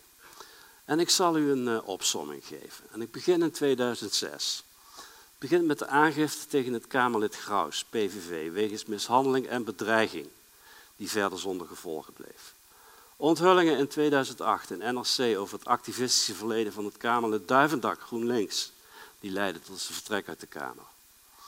Het conflict 2009 tussen Eerste Kamerlid Russell, CDA, en de Belastingdienst over de vermeend illegale invoer van kunstwerk, dat leidde tot zijn vertrek uit de Kamer. De vermeende betrokkenheid 2009 van het Kamerlid Brinkman, PVV, bij een vechtpartij in perscentrum Nieuwspoort, die verder zonder gevolgen bleef. Beschuldigingen in 2010 over misdragingen in een eerdere functie van Kamerlid Sharpe, PVV, die leidde tot zijn vertrek uit de Kamer. Beschuldiging in 2010 wegens bedreiging van zijn buren door het Kamerlid Lucassen, eveneens PVV, die geen gevolgen had voor het Kamerlidmaatschap, maar wel leidde tot het verlies van het woordvoerderschap eh, voor bepaalde eh, portefeuilles. Uh, even kijken. De aanhouding 2010 wegens geweldpleging door Kamerlid Hernandez, eveneens PVV, welke na het bereiken van de schikking met het OM niet leidde tot zijn vertrek uit de Kamer. Een reclamespot 2012 van het Kamerlid Kuzu, ah, bekend figuur van de Partij van de Arbeid voor een Turkse zorgverzekeraar. Die leidde tot het ontnemen van zijn woordvoerderschap gezondheidszorg. De verdenking van het aannemen van giften 2012 door Eerste Kamer Jos van Rij, VVD, als wethouder. Hetgeen leidde tot zijn vertrek uit de Kamer en een 2016 veroordeling door de rechtbank. Eh, de aangifte wegens hypotheekfraude tegen het Kamerlid Houwes, die leidde tot zijn vertrek uit de Kamer en later na een OM-strafbeschikking weer terugkeer in de Kamer bij een ontstaande vacature. Echter niet in de VVD-fractie, hij is ZZP'er geworden. De beschuldigingen over gerommel met pensioenpremies in de vorige functie tegen het Kamerlid Krol, 50 plus, die leidde tot zijn vertrek uit de Kamer en later weer terugkeer in de Kamer.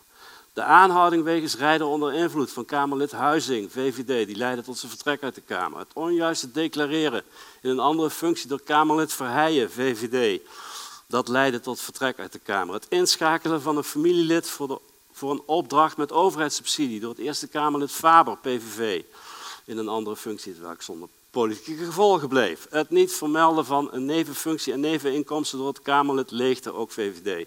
Dat leidde tot zijn vertrek uit de Kamer. En tenslotte het na het oordeel van de ondernemingskamer Hof Amsterdam falend optreden als toezichthouder in een zorginstelling door Eerste Kamerlid en tevens fractievoorzitter Hermans, hetgeen leidde tot zijn vertrek uit de Eerste Kamer. Al deze voorbeelden, dames en heren, illustreren dat er reden is voor zorg op het punt van de ambtelijke integriteit van volksvertegenwoordigers. Duidelijk is dat deze integriteitsschendingen niet alleen voorkomen bij vertegenwoordigers van populistische partijen, maar ook van andere partijen. Duidelijk is ook dat die integriteitsschendingen het gezag van en het vertrouwen in het parlement aantasten en daarmee een bedreiging zijn voor de rechtsstaat. Ik wil niet zeggen dat de rechtsstaat in verval is, dat gaat natuurlijk veel te ver, maar er is wel sprake van een serieus probleem. En het parlement zal zich dus moeten bezinnen op de vraag hoe het moet optreden tegen Kamerleden die hun ambtelijke integriteit onvoldoende in acht nemen. Kortom, samenvattend, er zijn zeker serieuze bedreigingen voor de rechtsstaat, maar die komen niet van populistische partijen op dit moment, maar van de overheid die onvoldoende oog heeft voor het belang van een onafhankelijke rechter en de rechtswaarborgen van grondrechten op onderdelen miskent. Er zijn ook mogelijk risico's voor de democratie, maar de wetgever zou eventueel nadere regels kunnen stellen en het parlement zou veel meer aandacht moeten besteden aan het vraagstuk van ambtelijke integriteit van volksvertegenwoordigers. Dank u wel.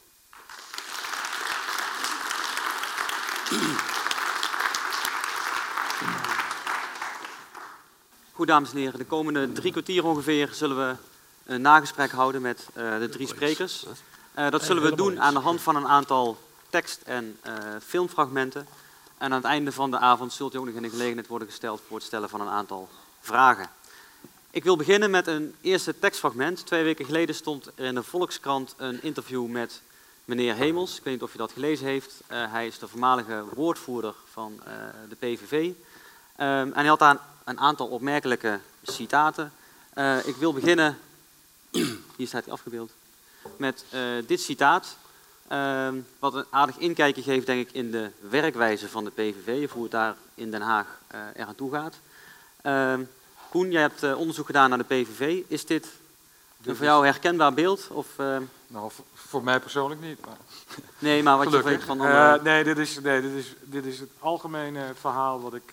ik heb nou, over twintig mensen geïnterviewd, waarvan zo'n 10, 12 direct met Wilders te maken hadden. En ja, dit is het algemene beeld. ik, ik zal nooit vergeten eentje vertellen die... die die had een uh, fractiemedewerker, die had in die twee jaar dat hij werkte nog nooit Wilders gezien. Hij liet zich ook niet zien, hij communiceert niet met mensen, hij is... Ja, de meesten zeiden hij is sociaal een beetje gestoord. Eigenlijk. Dat, dat kreeg ik van het algemeen wel te horen. Hij, het, is, het is geen man om een praatje mee te maken. Of, en hij communiceert inderdaad ja, het mooiste, mooiste, verhaal dat ik hoorde is, hij werkt uh, elf uur per dag en dat verwacht hij ook van zijn medewerkers. Dus op zaterdagavond, als je als medewerker aan de bioscoop zat, kon je worden gebeld. dan moest je direct komen om hem te helpen met iets of zo. Dus dat is de, de sfeer. Na lezing van het artikel ehm, had ik ook het, soms het idee, ja, wat er bij de PVV gebeurt, heeft er nog te maken met, zijn ze nog geïnteresseerd in serieuze politieke macht? Want wat deze meneer hier deed, was eigenlijk alleen maar krantartikelen uh, naspeuren ja. en dan tweets of uh, berichtjes de wereld in te sturen. Ja. Nou ja, wat voor krantartikelen was wel leuk wat hij vertelde. Uh, Wilders wil iedere dag precies weten in welke kranten die genoemd wordt, wereldwijd. dat geeft al aan dat hij zijn functie van internationaal ja, profeet van de islamofobie of islamalarmisme, dat neemt hij heel serieus. Het punt blijft wel altijd een beetje, en dat, dat, dat, daar kwamen zijn medewerkers ook niet, wat wil hij nou precies? Ja? Dat, dat, ja, wil hij een soort rol als een soort El Gore, maar dan voor de, hè, de islam, hè, dat hij rondreist en iedereen waarschuwt? Wil hij tot zijn 65 in het parlement blijven, wat sommigen ook tegen me zeiden? Hij kan namelijk niks anders. Hmm. hij kan nergens, hij kan geen burgemeester of zo worden, hè, of, of bijzonder hoogleraar, dat zit er niet in. Dus, uh, dus wat wil Ja, macht. Ja, dat, eh, nee, dat gaat hem ook niet meer worden. Hè. Ik bedoel, nu het feit dat hij een A4'tje, een partijprogramma presenteert, is eigenlijk het signaal wat hij daarmee geeft, volgens mij, is: met mij valt niet te regeren. Dat is eigenlijk het signaal wat hij geeft. Dus dit, dit, is, ja, dat is heel onduidelijk. Wat wil hij nou echt? Siebe, een, een vraag aan jou. Uh, in het verhaal van Paul uh, kwam een van de opties ter sprake dat uh, hoe je met extremistische partijen om zou moeten of zou kunnen gaan, is bijvoorbeeld door het zogenaamde vuurprincipe aan banden te leggen door dat soort partijen te verbieden. Dit doet enigszins denken aan, aan een soort vuurprincipe, wat ook in jouw boek centraal staat. Uh, is dat een idee wat op jouw uh, goedkeuring kan rekenen? Ja, we zijn uh, met het toelaten van uh, de PVV eigenlijk te ver gegaan. Ik denk ook dat er niet eens een echte wetswijziging nodig was om te zeggen, dit gaat niet. U moet een volwaardige partij zijn, maar in dat opzicht ben ik geen volwaardige jurist, dat kan ik niet helemaal beoordelen. Maar uh, uh, dat we dit, nou, dat blijft dan nog steeds een uh, zachte benadering zeg maar, van onze democratische rechtsstaat. het volwaardig optuigen van politieke partijen, daar ben ik heel erg voor. Juist omdat partijen ook instituties zijn die veel breder werken. nou, laten we zeggen dan alleen maar een lijstje van kandidaten voor het, voor het passieve kiesrecht presenteren. Dat gaat om, om een he in een hele brede zin vertegenwoordigen zij ook eh, de samenleving daarin, de politiek. En dan niet alleen politiek Den Haag, maar ook decentraal. Eh, Paul, jij gaf het eh, als optie mee, hè, het aan banden leggen van, van dit soort partijen. Hoe sta je er zelf in? Ja, ik twijfel. Kijk, dus wat typisch Hollands is, we hebben een wet financiering politieke partijen.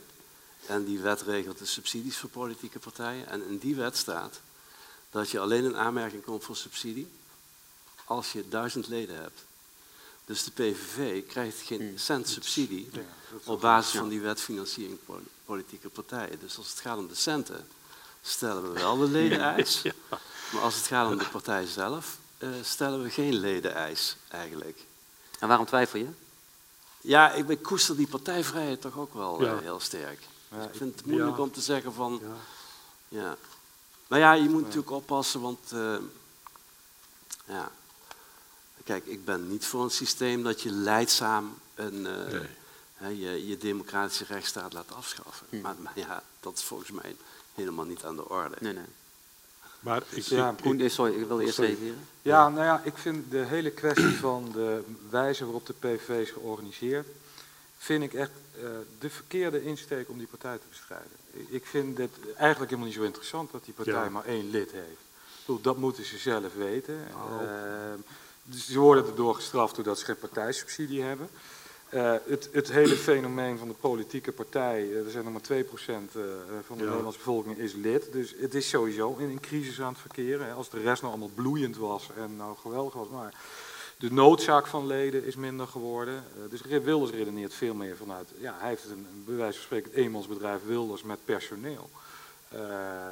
zonder, zonder een interne zeggenschap. Uh, dat, dat is inderdaad waar. Maar ja, kijk, je hebt ook partijen met leden uh, waar ook de zeggenschap vrij relatief is. Ik noem een SP.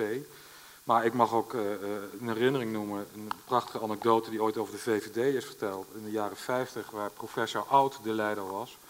En dan werd er wel eens gezegd van, moeten we dan altijd ja en amen zeggen? En toen zei professor Oud, nou ja is wel genoeg. Dus de, de, de, de dominantie in sommige partijen van een leider is natuurlijk soms ook gigantisch. En dan is het ook bijna een fictie om te denken dat die leden nog iets te zeggen hebben. Waar vond jij het wel een cruciaal punt, Siebe? Nou, ik, ik vind ook te veel nadruk leggen op het uh, excess. Laten we zo maar zeggen, uh, de PVV uh, vind ik ook gevaarlijk. Daarom zeg ik ook steeds van, pas op, de PVV is een symptoom van een veel bredere ontwikkeling.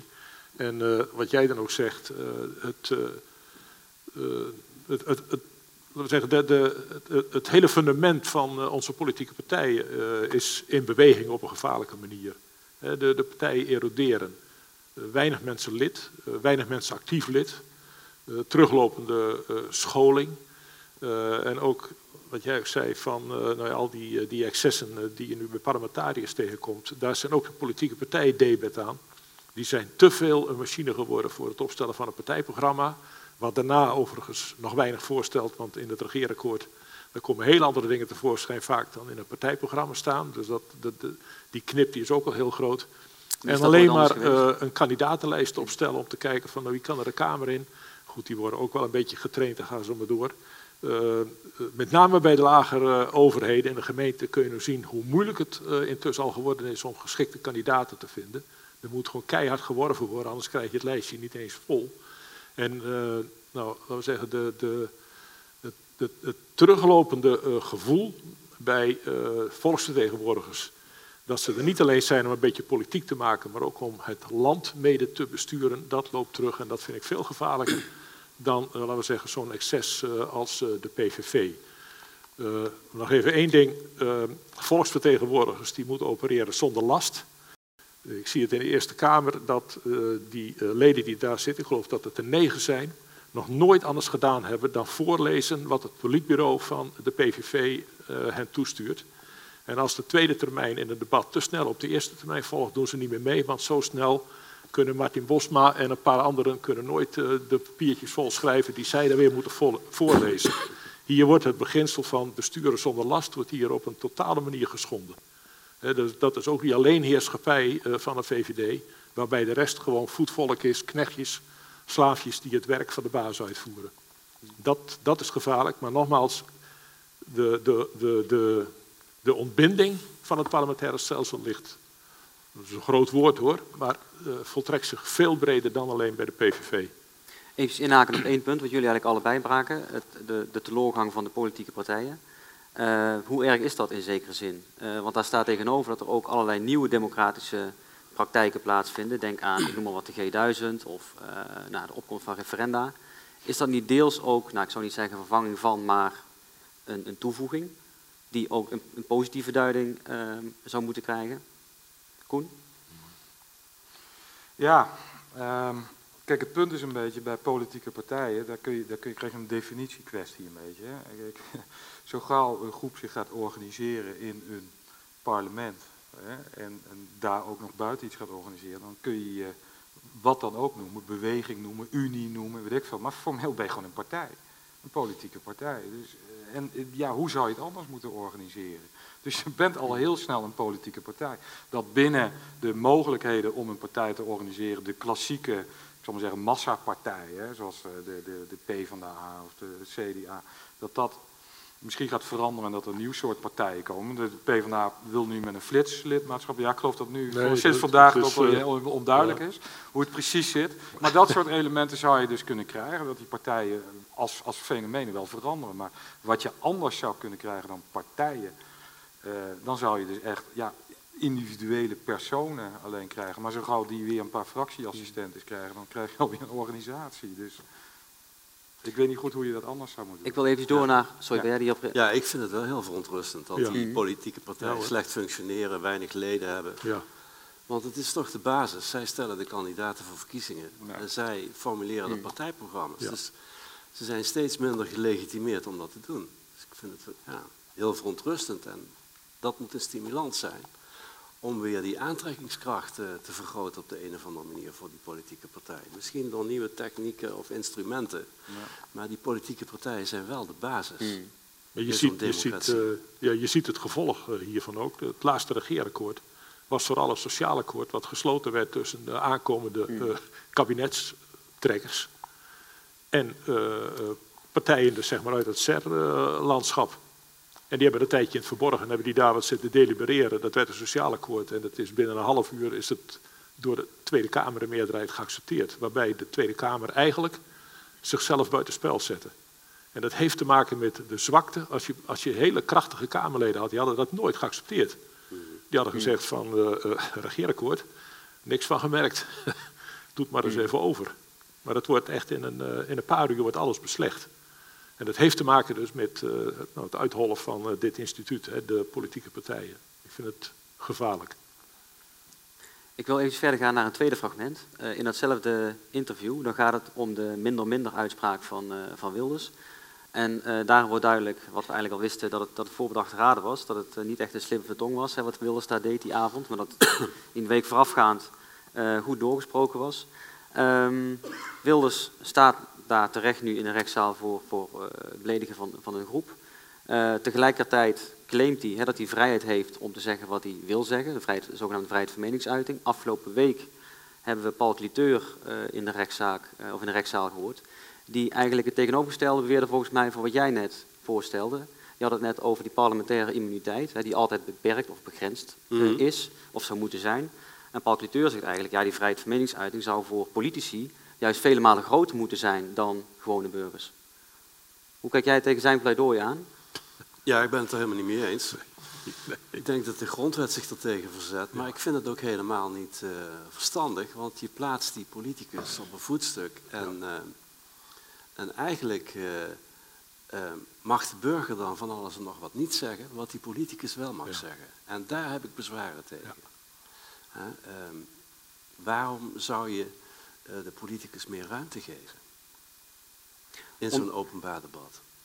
Omdat hij misschien... Hè, Kijk, hij heeft alle vrijheid om te zeggen wat hij wil, maar hij moet niet gaan haatzaaien uh, in het openbaar beledigen of anderszins, of discrimineren of anderszins de, het wetboek voor strafrecht overtreden. Waarom ze, wil Cliteur hem dan die gelegenheid wel geven dat hij gaat haatzaaien? Is dat de bedoeling? Nee, kan ik me niet voorstellen. Het nou, wat is dan het probleem uh, dat aan zo'n politicus dezelfde grenzen worden gesteld als aan een normale burger? Namelijk dat hij de strafwet niet moet overtreden. Nee, goed, het antwoord van Clateur zal waarschijnlijk zijn, ik wil hem absoluut hier verdedigen, maar gewoon voor, het, uh, voor de discussie, uh, dat politici ja. nou een belangrijke rol vervullen in het publieke debat. En dat ja. juist in het publieke debat dit soort meningsverschillen ja, zouden moeten worden uitgevoerd. Kijk, in het publieke debat gaat de politicus met de burger in debat. Hmm. Nou, vind ik dat ze dezelfde rechten uh, moeten hebben in dat debat.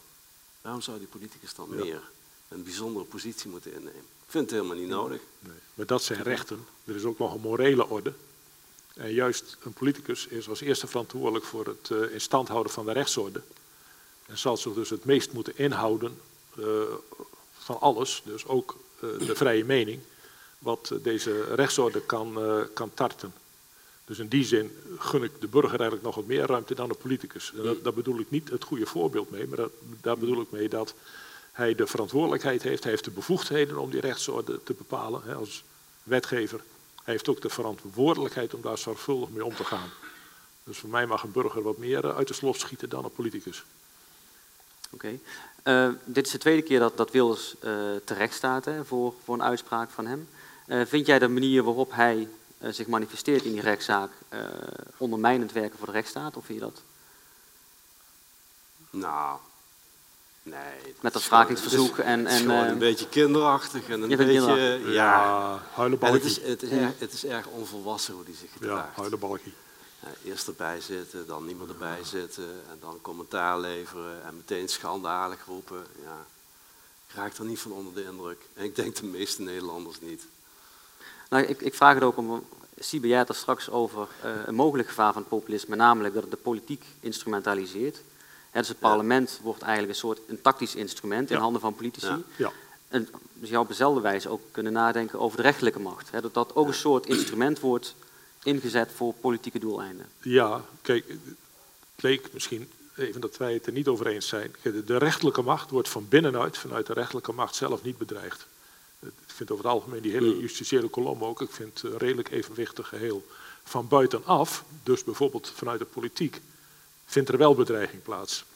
Die is financieel, Uh, maar die gaat nog veel verder hoor. De recente wetgeving die, die beperkt ook allerlei bevoegdheden. En dat allemaal omwille van die zogenaamde bedreigde veiligheid. Nou, ik heb vanuit mijn waterstaatsachtergrond nog alles wat te maken gehad met, met risicoomstandigheden, risicoanalyses, en ga zo maar door. terrorisme is gevaarlijk, maar niet zo heel erg gevaarlijk. Zeker niet in de sfeer van de kansberekening. En als wij er niet zo raar op reageerden, dan was het terrorisme ook helemaal niet zo verstorend of dreigend verstorend uh, voor de rechtsorde. Die, uh, dat terrorisme, uh, dat wordt heel sterk uitgebuit om allerlei rechten en vrijheden aan banden te leggen. En dat gebeurt ook richting de rechterlijke macht. Dus altijd maar weer tamboureren hè, op meer straffen in plaats van de, het evenwicht in de samenleving overeind houden dus het instrumentaliseert. Nou, dat gebeurt met de wetgeving. En te veel politici dus instrumentaliseren of politiseren op die manier ook de rechterlijke macht. Dat vind ik bedreigend.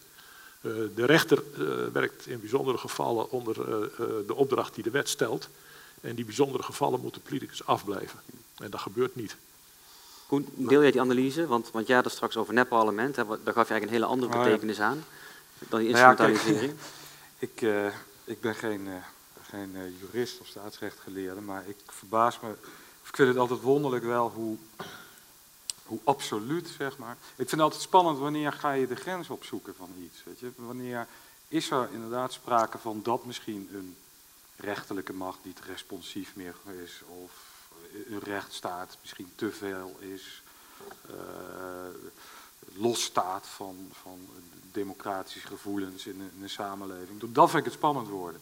Uh, en de, PVV, denk ik inderdaad, uh, daar kun je van zeggen, van, nou, daar geldt dat allemaal nog helemaal niet, hè, de analyse die je hebben. Maar in theoretisch opzicht vind ik het wel altijd spannender. Want wanneer komt er dan zo'n situatie dat je zegt van, uh, nou ja, de, de, rechtsstaat is nu even niet meer zo ontzettend absoluut fenomeen. Of, hè, zo, zo luister, beluister ik het een beetje. En de rechterlijke macht is... is hè, het, eh, het, kan snel gaan. Daarom ja. noem ik dat voorbeeld ook nu uit het uh, Verenigd Koninkrijk. Dat daar de Daily Mail, maar ook zelfs de Daily Telegraph... Ja. Dus daar voor de kop een hele, paar hele voorpagina's zeggen vijanden van het volk. Dus de rechterlijke macht als vijand van het volk. Het moet niet, uh, niet verder gaan, dan kan het heel raar escaleren. Want oh wee, als de bevolking hetzelfde gevoel gaat ontwikkelen. Maar wat mag nog wel? Laat ik het dan zo zeggen. Ja, dat moet de wetgever dan, uh, die moet de ja, kaders maar stellen. Maar, uh, nou, nog even terug naar die rechtszaak. Ik maakte mm. daar een grap over, van die politierechter. Uh, die eigenlijk die zaak zou moeten beslissen. Mm. Maar ik meen het eigenlijk ja, wel. ik vind dat de rechtbank, welke rechtbank is het niet? Den Haag, hè? Schiphol. Schiphol? Ja, die zitten dan in zo'n beveiligde bunker oh, dan. Okay. Die, maar die, die rechtbank heeft daar veel te veel ophef over gemaakt. Er werd ook bekendgemaakt dat die drie rechters een speciale mediatraining hadden gevolgd voor deze rechtszaak. En dat geen van de drie rechters lid van een politieke partij was. Dus men gaat ook helemaal mee in die hype rond die, uh, rond die rechtszaak. En dat hadden ze juist niet moeten doen. Ja.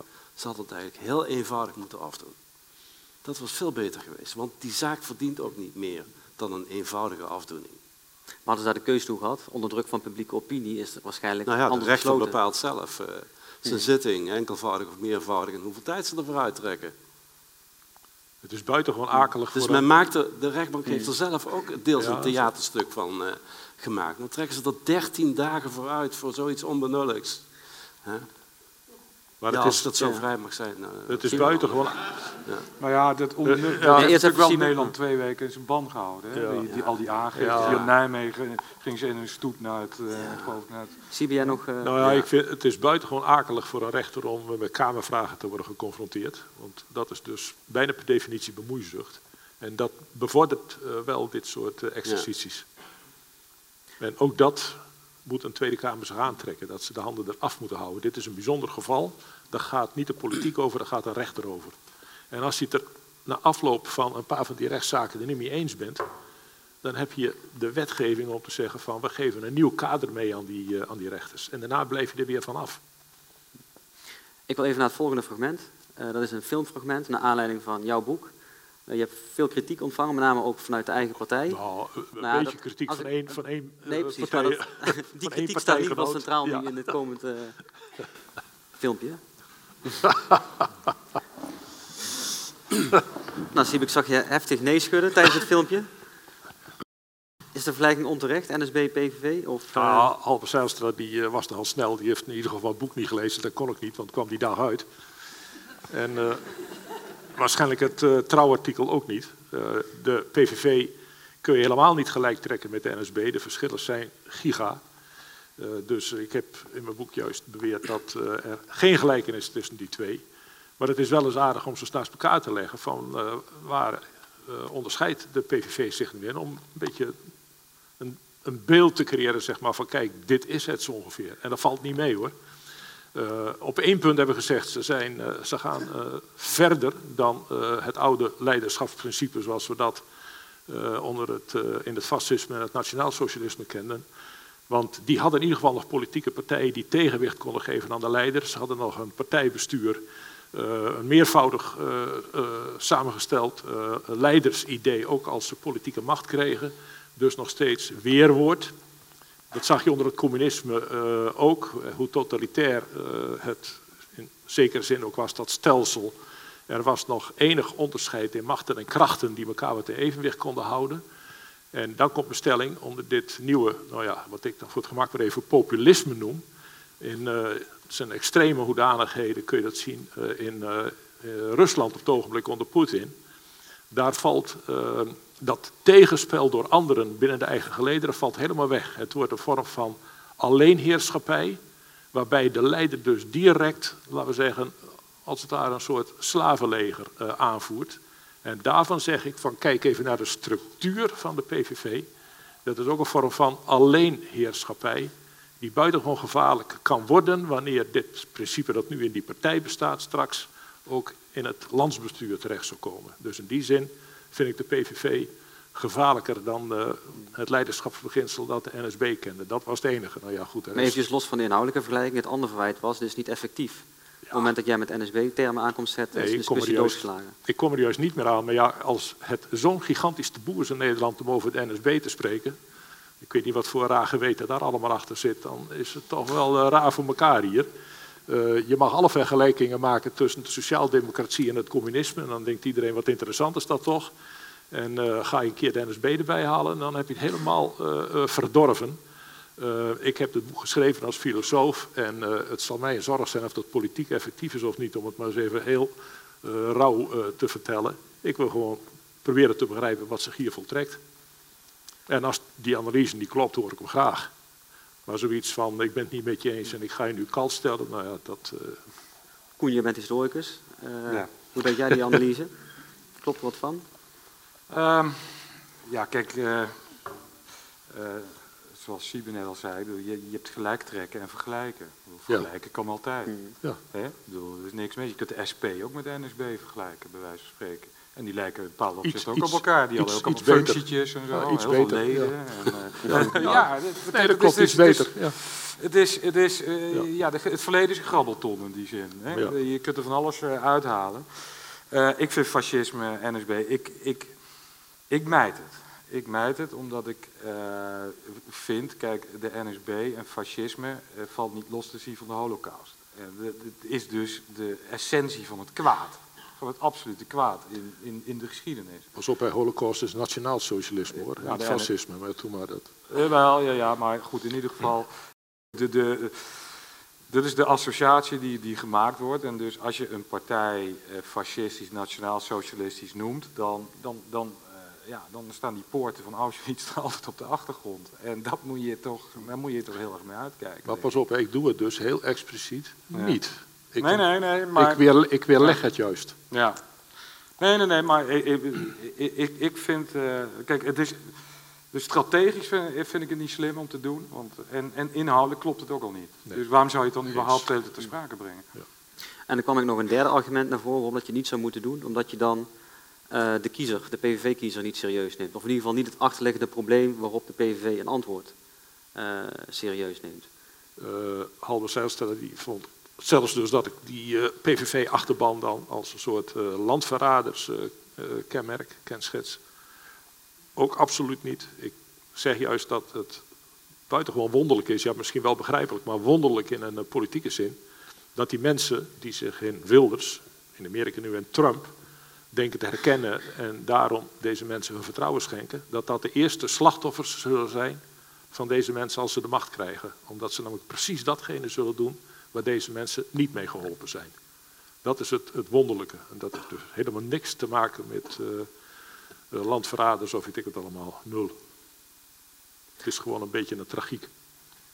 En waarom stemmen mensen dan op de PVV? Volgens omdat ze zich herkennen in die leider, omdat ze ontevreden zijn, omdat nou ja, er komt een heleboel bij. Nou, en? Koen? Waarom stemmen mensen op de PVV? Uit alle kiezersonderzoeken blijkt gewoon één thema, dat is immigratie.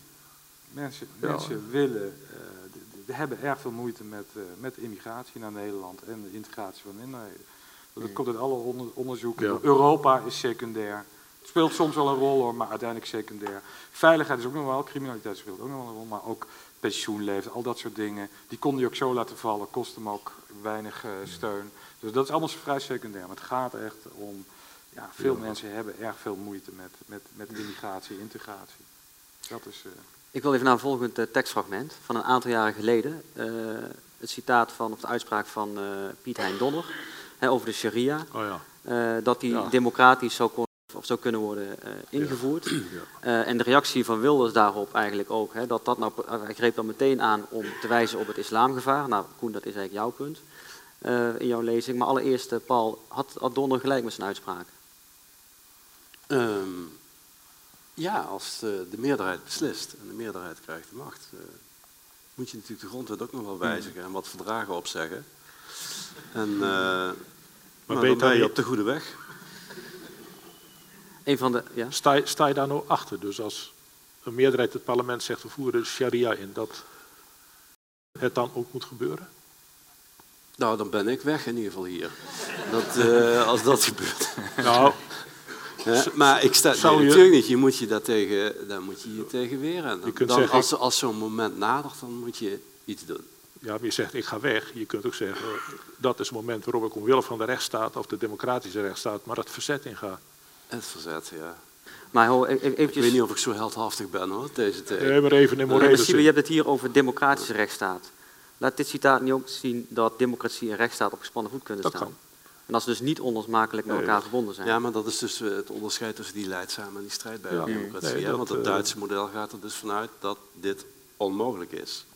Ja, de democratie... Omdat op voorhand het constitutionele hof die partijen verbiedt. Ja. En ze kunnen niet deelnemen aan verkiezingen, zullen dus nooit een meerderheid in het parlement halen. En nou ja, dat hof ziet ook toe op de grondwet en de naleving van de grondwet. Er zijn allerlei mechanismen om dit soort uh, ideologieën tegen te houden. Maar, maar dat is allemaal natuurlijk, dat zijn juridische constructies. Uh, kijk, Adolf Hitler kwam ook aan de macht uh, gewoon door terreur uit te oefenen. Op een gegeven moment stelt die constitutie ook niks voor.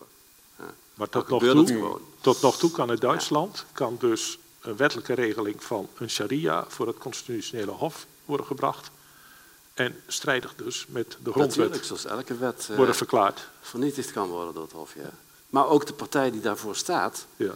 Zal verboden en ontbonden worden. Ja. Maar zo dus een meerderheidsregel is zomaar niet, uh, laten we zeggen, wetgevend. En dat is in Nederland ook zo. De meerderheid beslist niet. Als uh, de, de, de wet in strijd is met de grondwet, zul je de grondwet moeten aanpassen. En daar geldt een veel strengere procedure voor dan alleen maar de meerderheidsregel. Mm. He, twee keer twee derde over twee uh, kiesrondes heen en zo.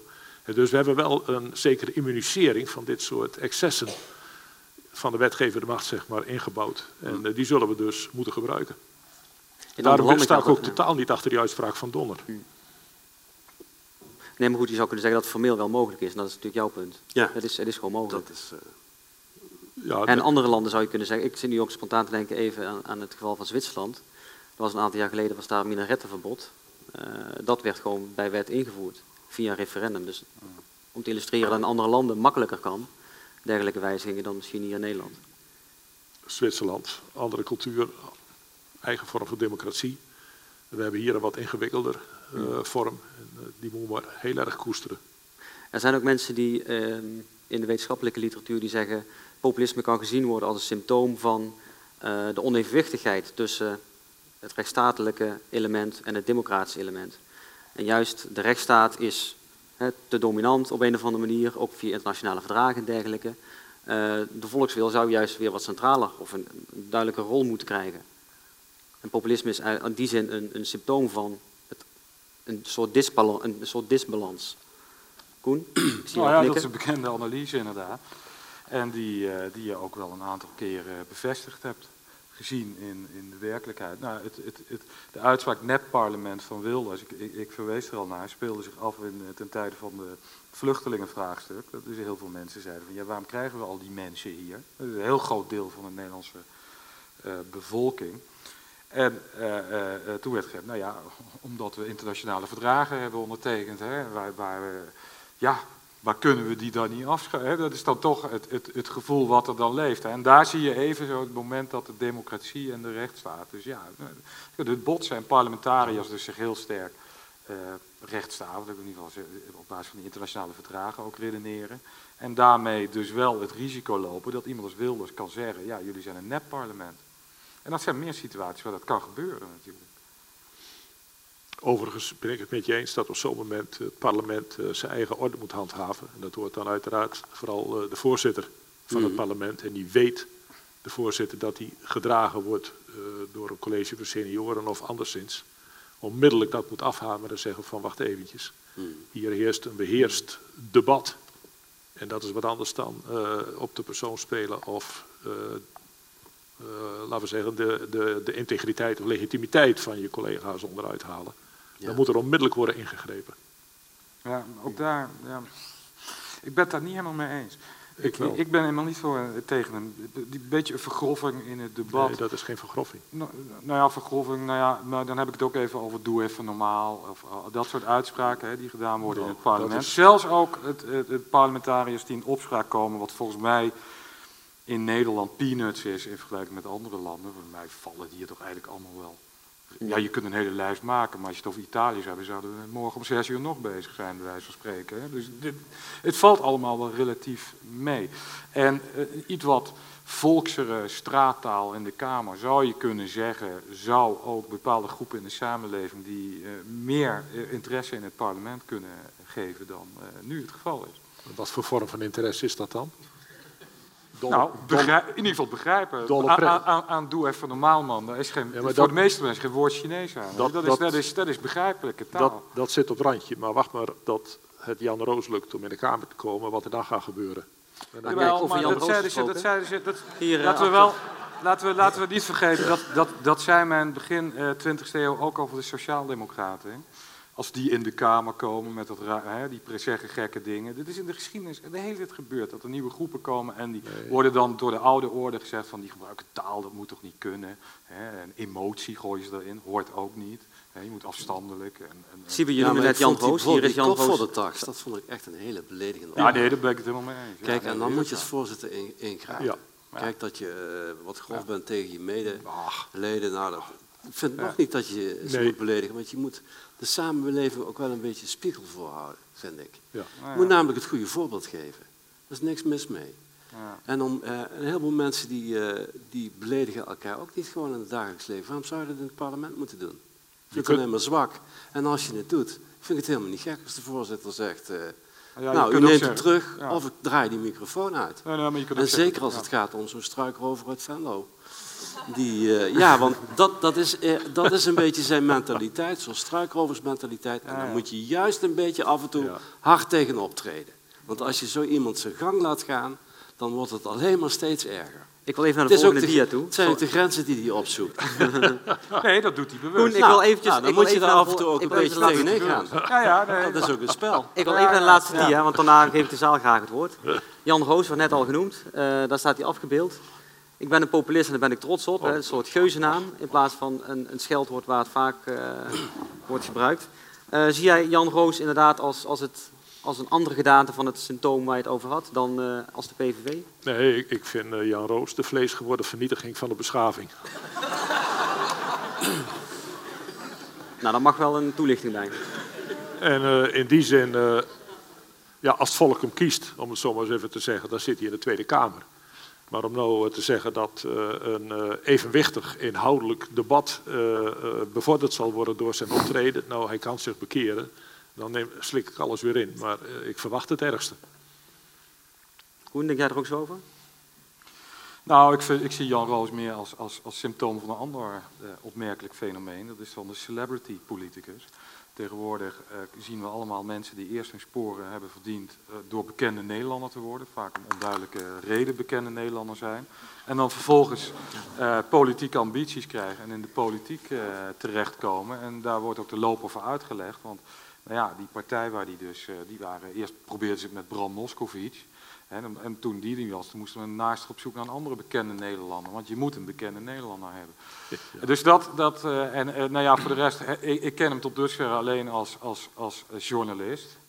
Voor zover je inderdaad de, de journalistiek kunt noemen. Uh, maar nou ja, dat belooft inderdaad weinig goeds voor zijn politieke optreden. Hij is voorstander van referenda, dus de PVV uh, ook. En D66 is natuurlijk ook altijd voorstander geweest. Oh, die schrikken zich van, nu dood. Dus, uh, die... Maar zie jij, het, zie jij het invoeren van referenda als een aantasting van de democratische rechtsstaat? Want die indruk heb ik soms bij jou, of, of uh, heb ik dat mis? Als er een onderwerp is waarbij het nee ondubbelzinnig kan worden uitgelegd, nou, dan zou het een keer kunnen. Maar dan moet je ook wel een heel simpel onderwerpje hebben van uh, doe het kinderspeelplaatsje nu langs straat A of straat B of zoiets. Zo dom zijn de mensen in Nederland. Nee, een referendum is een totaal verkeerd instrument om ingewikkelde vraagstukken, om die tot een oplossing te brengen. Er vindt helemaal geen afweging meer plaats. Proportionaliteit, wat toch in uh, de politiek een heel belangrijk uitgangspunt is, wordt vernietigd. Het is gewoon een ja, dat is wel duidelijk, maar dat komt er bijna nooit uit. En het wordt dus een nee. En kijk nu maar naar de brexit. Eh, eh, eh, we willen niet meer in de Europese Unie. Maar wat we dan wel willen, nou dat wordt gewoon een burgeroorlog daar in Groot-Brittannië, wat er zelfs toe kan leiden dat het kingdom helemaal uit elkaar valt. Hè. Het small, small Britain of zoiets wat er dan overblijft of zo. Little Britain. Gewoon omdat dat, omdat dat nee totaal niks zegt en de discussie verlegt. En wat daar, en heeft de rechter gelukkig op ingegrepen, ook nog gebeurt, dat is dat de uitvoerende macht, de premier zegt, dit regel ik op mijn eentje wel. En ik ga rechtstreeks dit met Brussel op een, een of andere manier tot een akkoord brengen. En uh, uh, het parlement heeft het nakijken.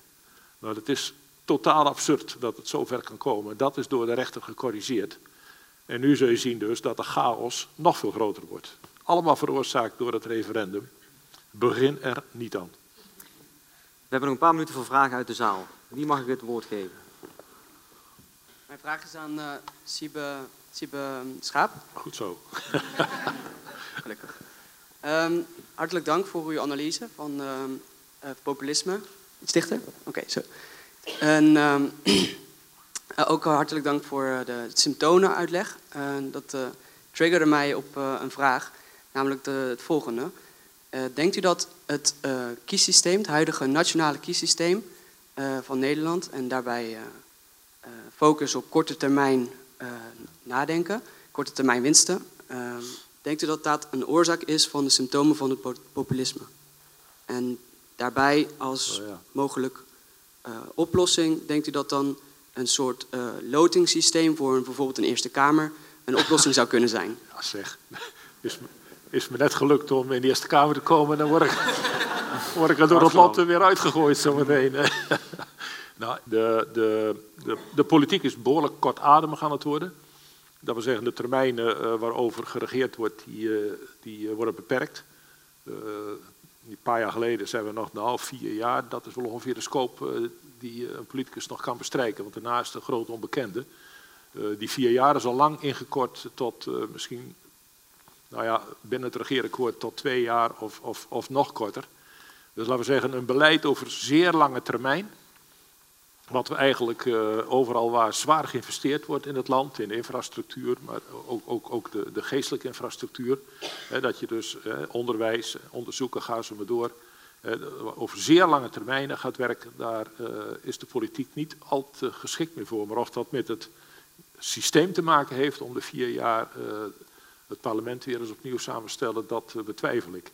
Ik heb het zelf vanuit het waterbeheer wel meegemaakt. Eh, ik ben zelf een van de aanjagers van het eh, nieuwe Delta-programma. Toen daarvoor nog het Delta-plan. Dat eh, de vraag die ik zelf dan met de konuiten die je er dan omheen verzamelde stelde. Van hoe kunnen we dit nou een beetje boven de politiek verheffen? Want dit wordt een beleid voor 50 jaar. En ja, dat is niet iets wat zomaar in de Tweede Kamer lukt. dat je dan een sfeer creëert dat bijna geen politicus daar nog tegen durft te zijn. Tegen het bewaken van uh, de fysieke veiligheid, de veiligheid tegen overstromingen. En je, tot je grote schrik, dat zijn programma's van tientallen miljarden, gaat over heel veel jaren. Het is een stukje ook herstructurering van fysiek Nederland.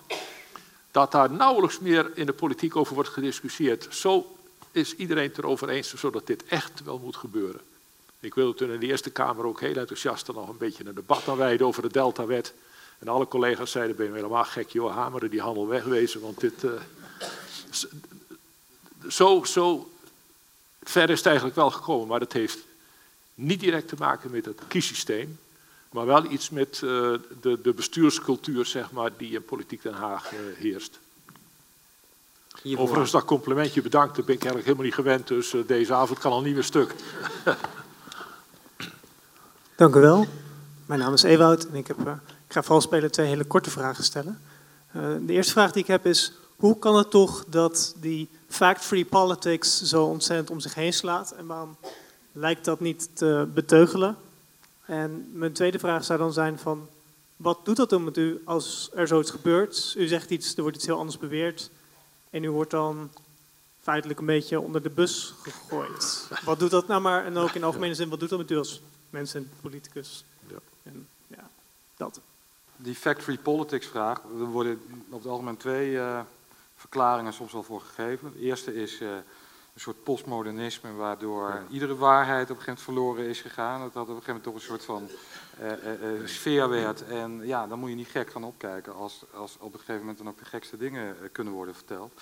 Het tweede aspect zijn, is de verkokering van de media. Mensen zitten heel erg in hun eigen Facebook, Twitter, sociale media me uh, uh, netwerkje te kijken. En daarin lezen ze alleen een bepaald soort berichten. En men leest dus minder de, de, kranten. Hè. De, dus dat is, wordt ook wel eens als verklaring gegeven, waardoor heel veel fact-free politics dus rond kan gaan over Facebook, weet ik veel wat. En het worden waarheden, hè, die niet weerlegd worden door wat dan ook. Zie jij wilde nog reageren? Ja, als je in de politiek zit, ja, het meest gevaarlijk is dat je de nek uitsteekt. En uh, dat moet je dus niet al te ver doen. En uh, nou ja, word je dan wel een keer geschoren waar je bij zit of zoiets. Ja, dat hoort er allemaal bij. Daar moet je niet van onder de indruk raken. Dat is even emotioneel of psychisch of zoiets. Dat daarmee ook het onderwerp, laten we zeggen, een beetje buiten de discussie wordt geplaatst. Dat vind ik natuurlijk wel jammer. Maar dat is dan meer een zakelijke reactie. Oké, sorry helaas. We hebben geen tijd meer voor nog meer vragen. Hiermee zijn we aan het einde gekomen van deze avond. Uh, ik wil jullie hartelijk danken voor jullie komst en ik wil de drie sprekers van hartelijk bedanken voor hun bijdrage aan dit debat. Tot de volgende keer.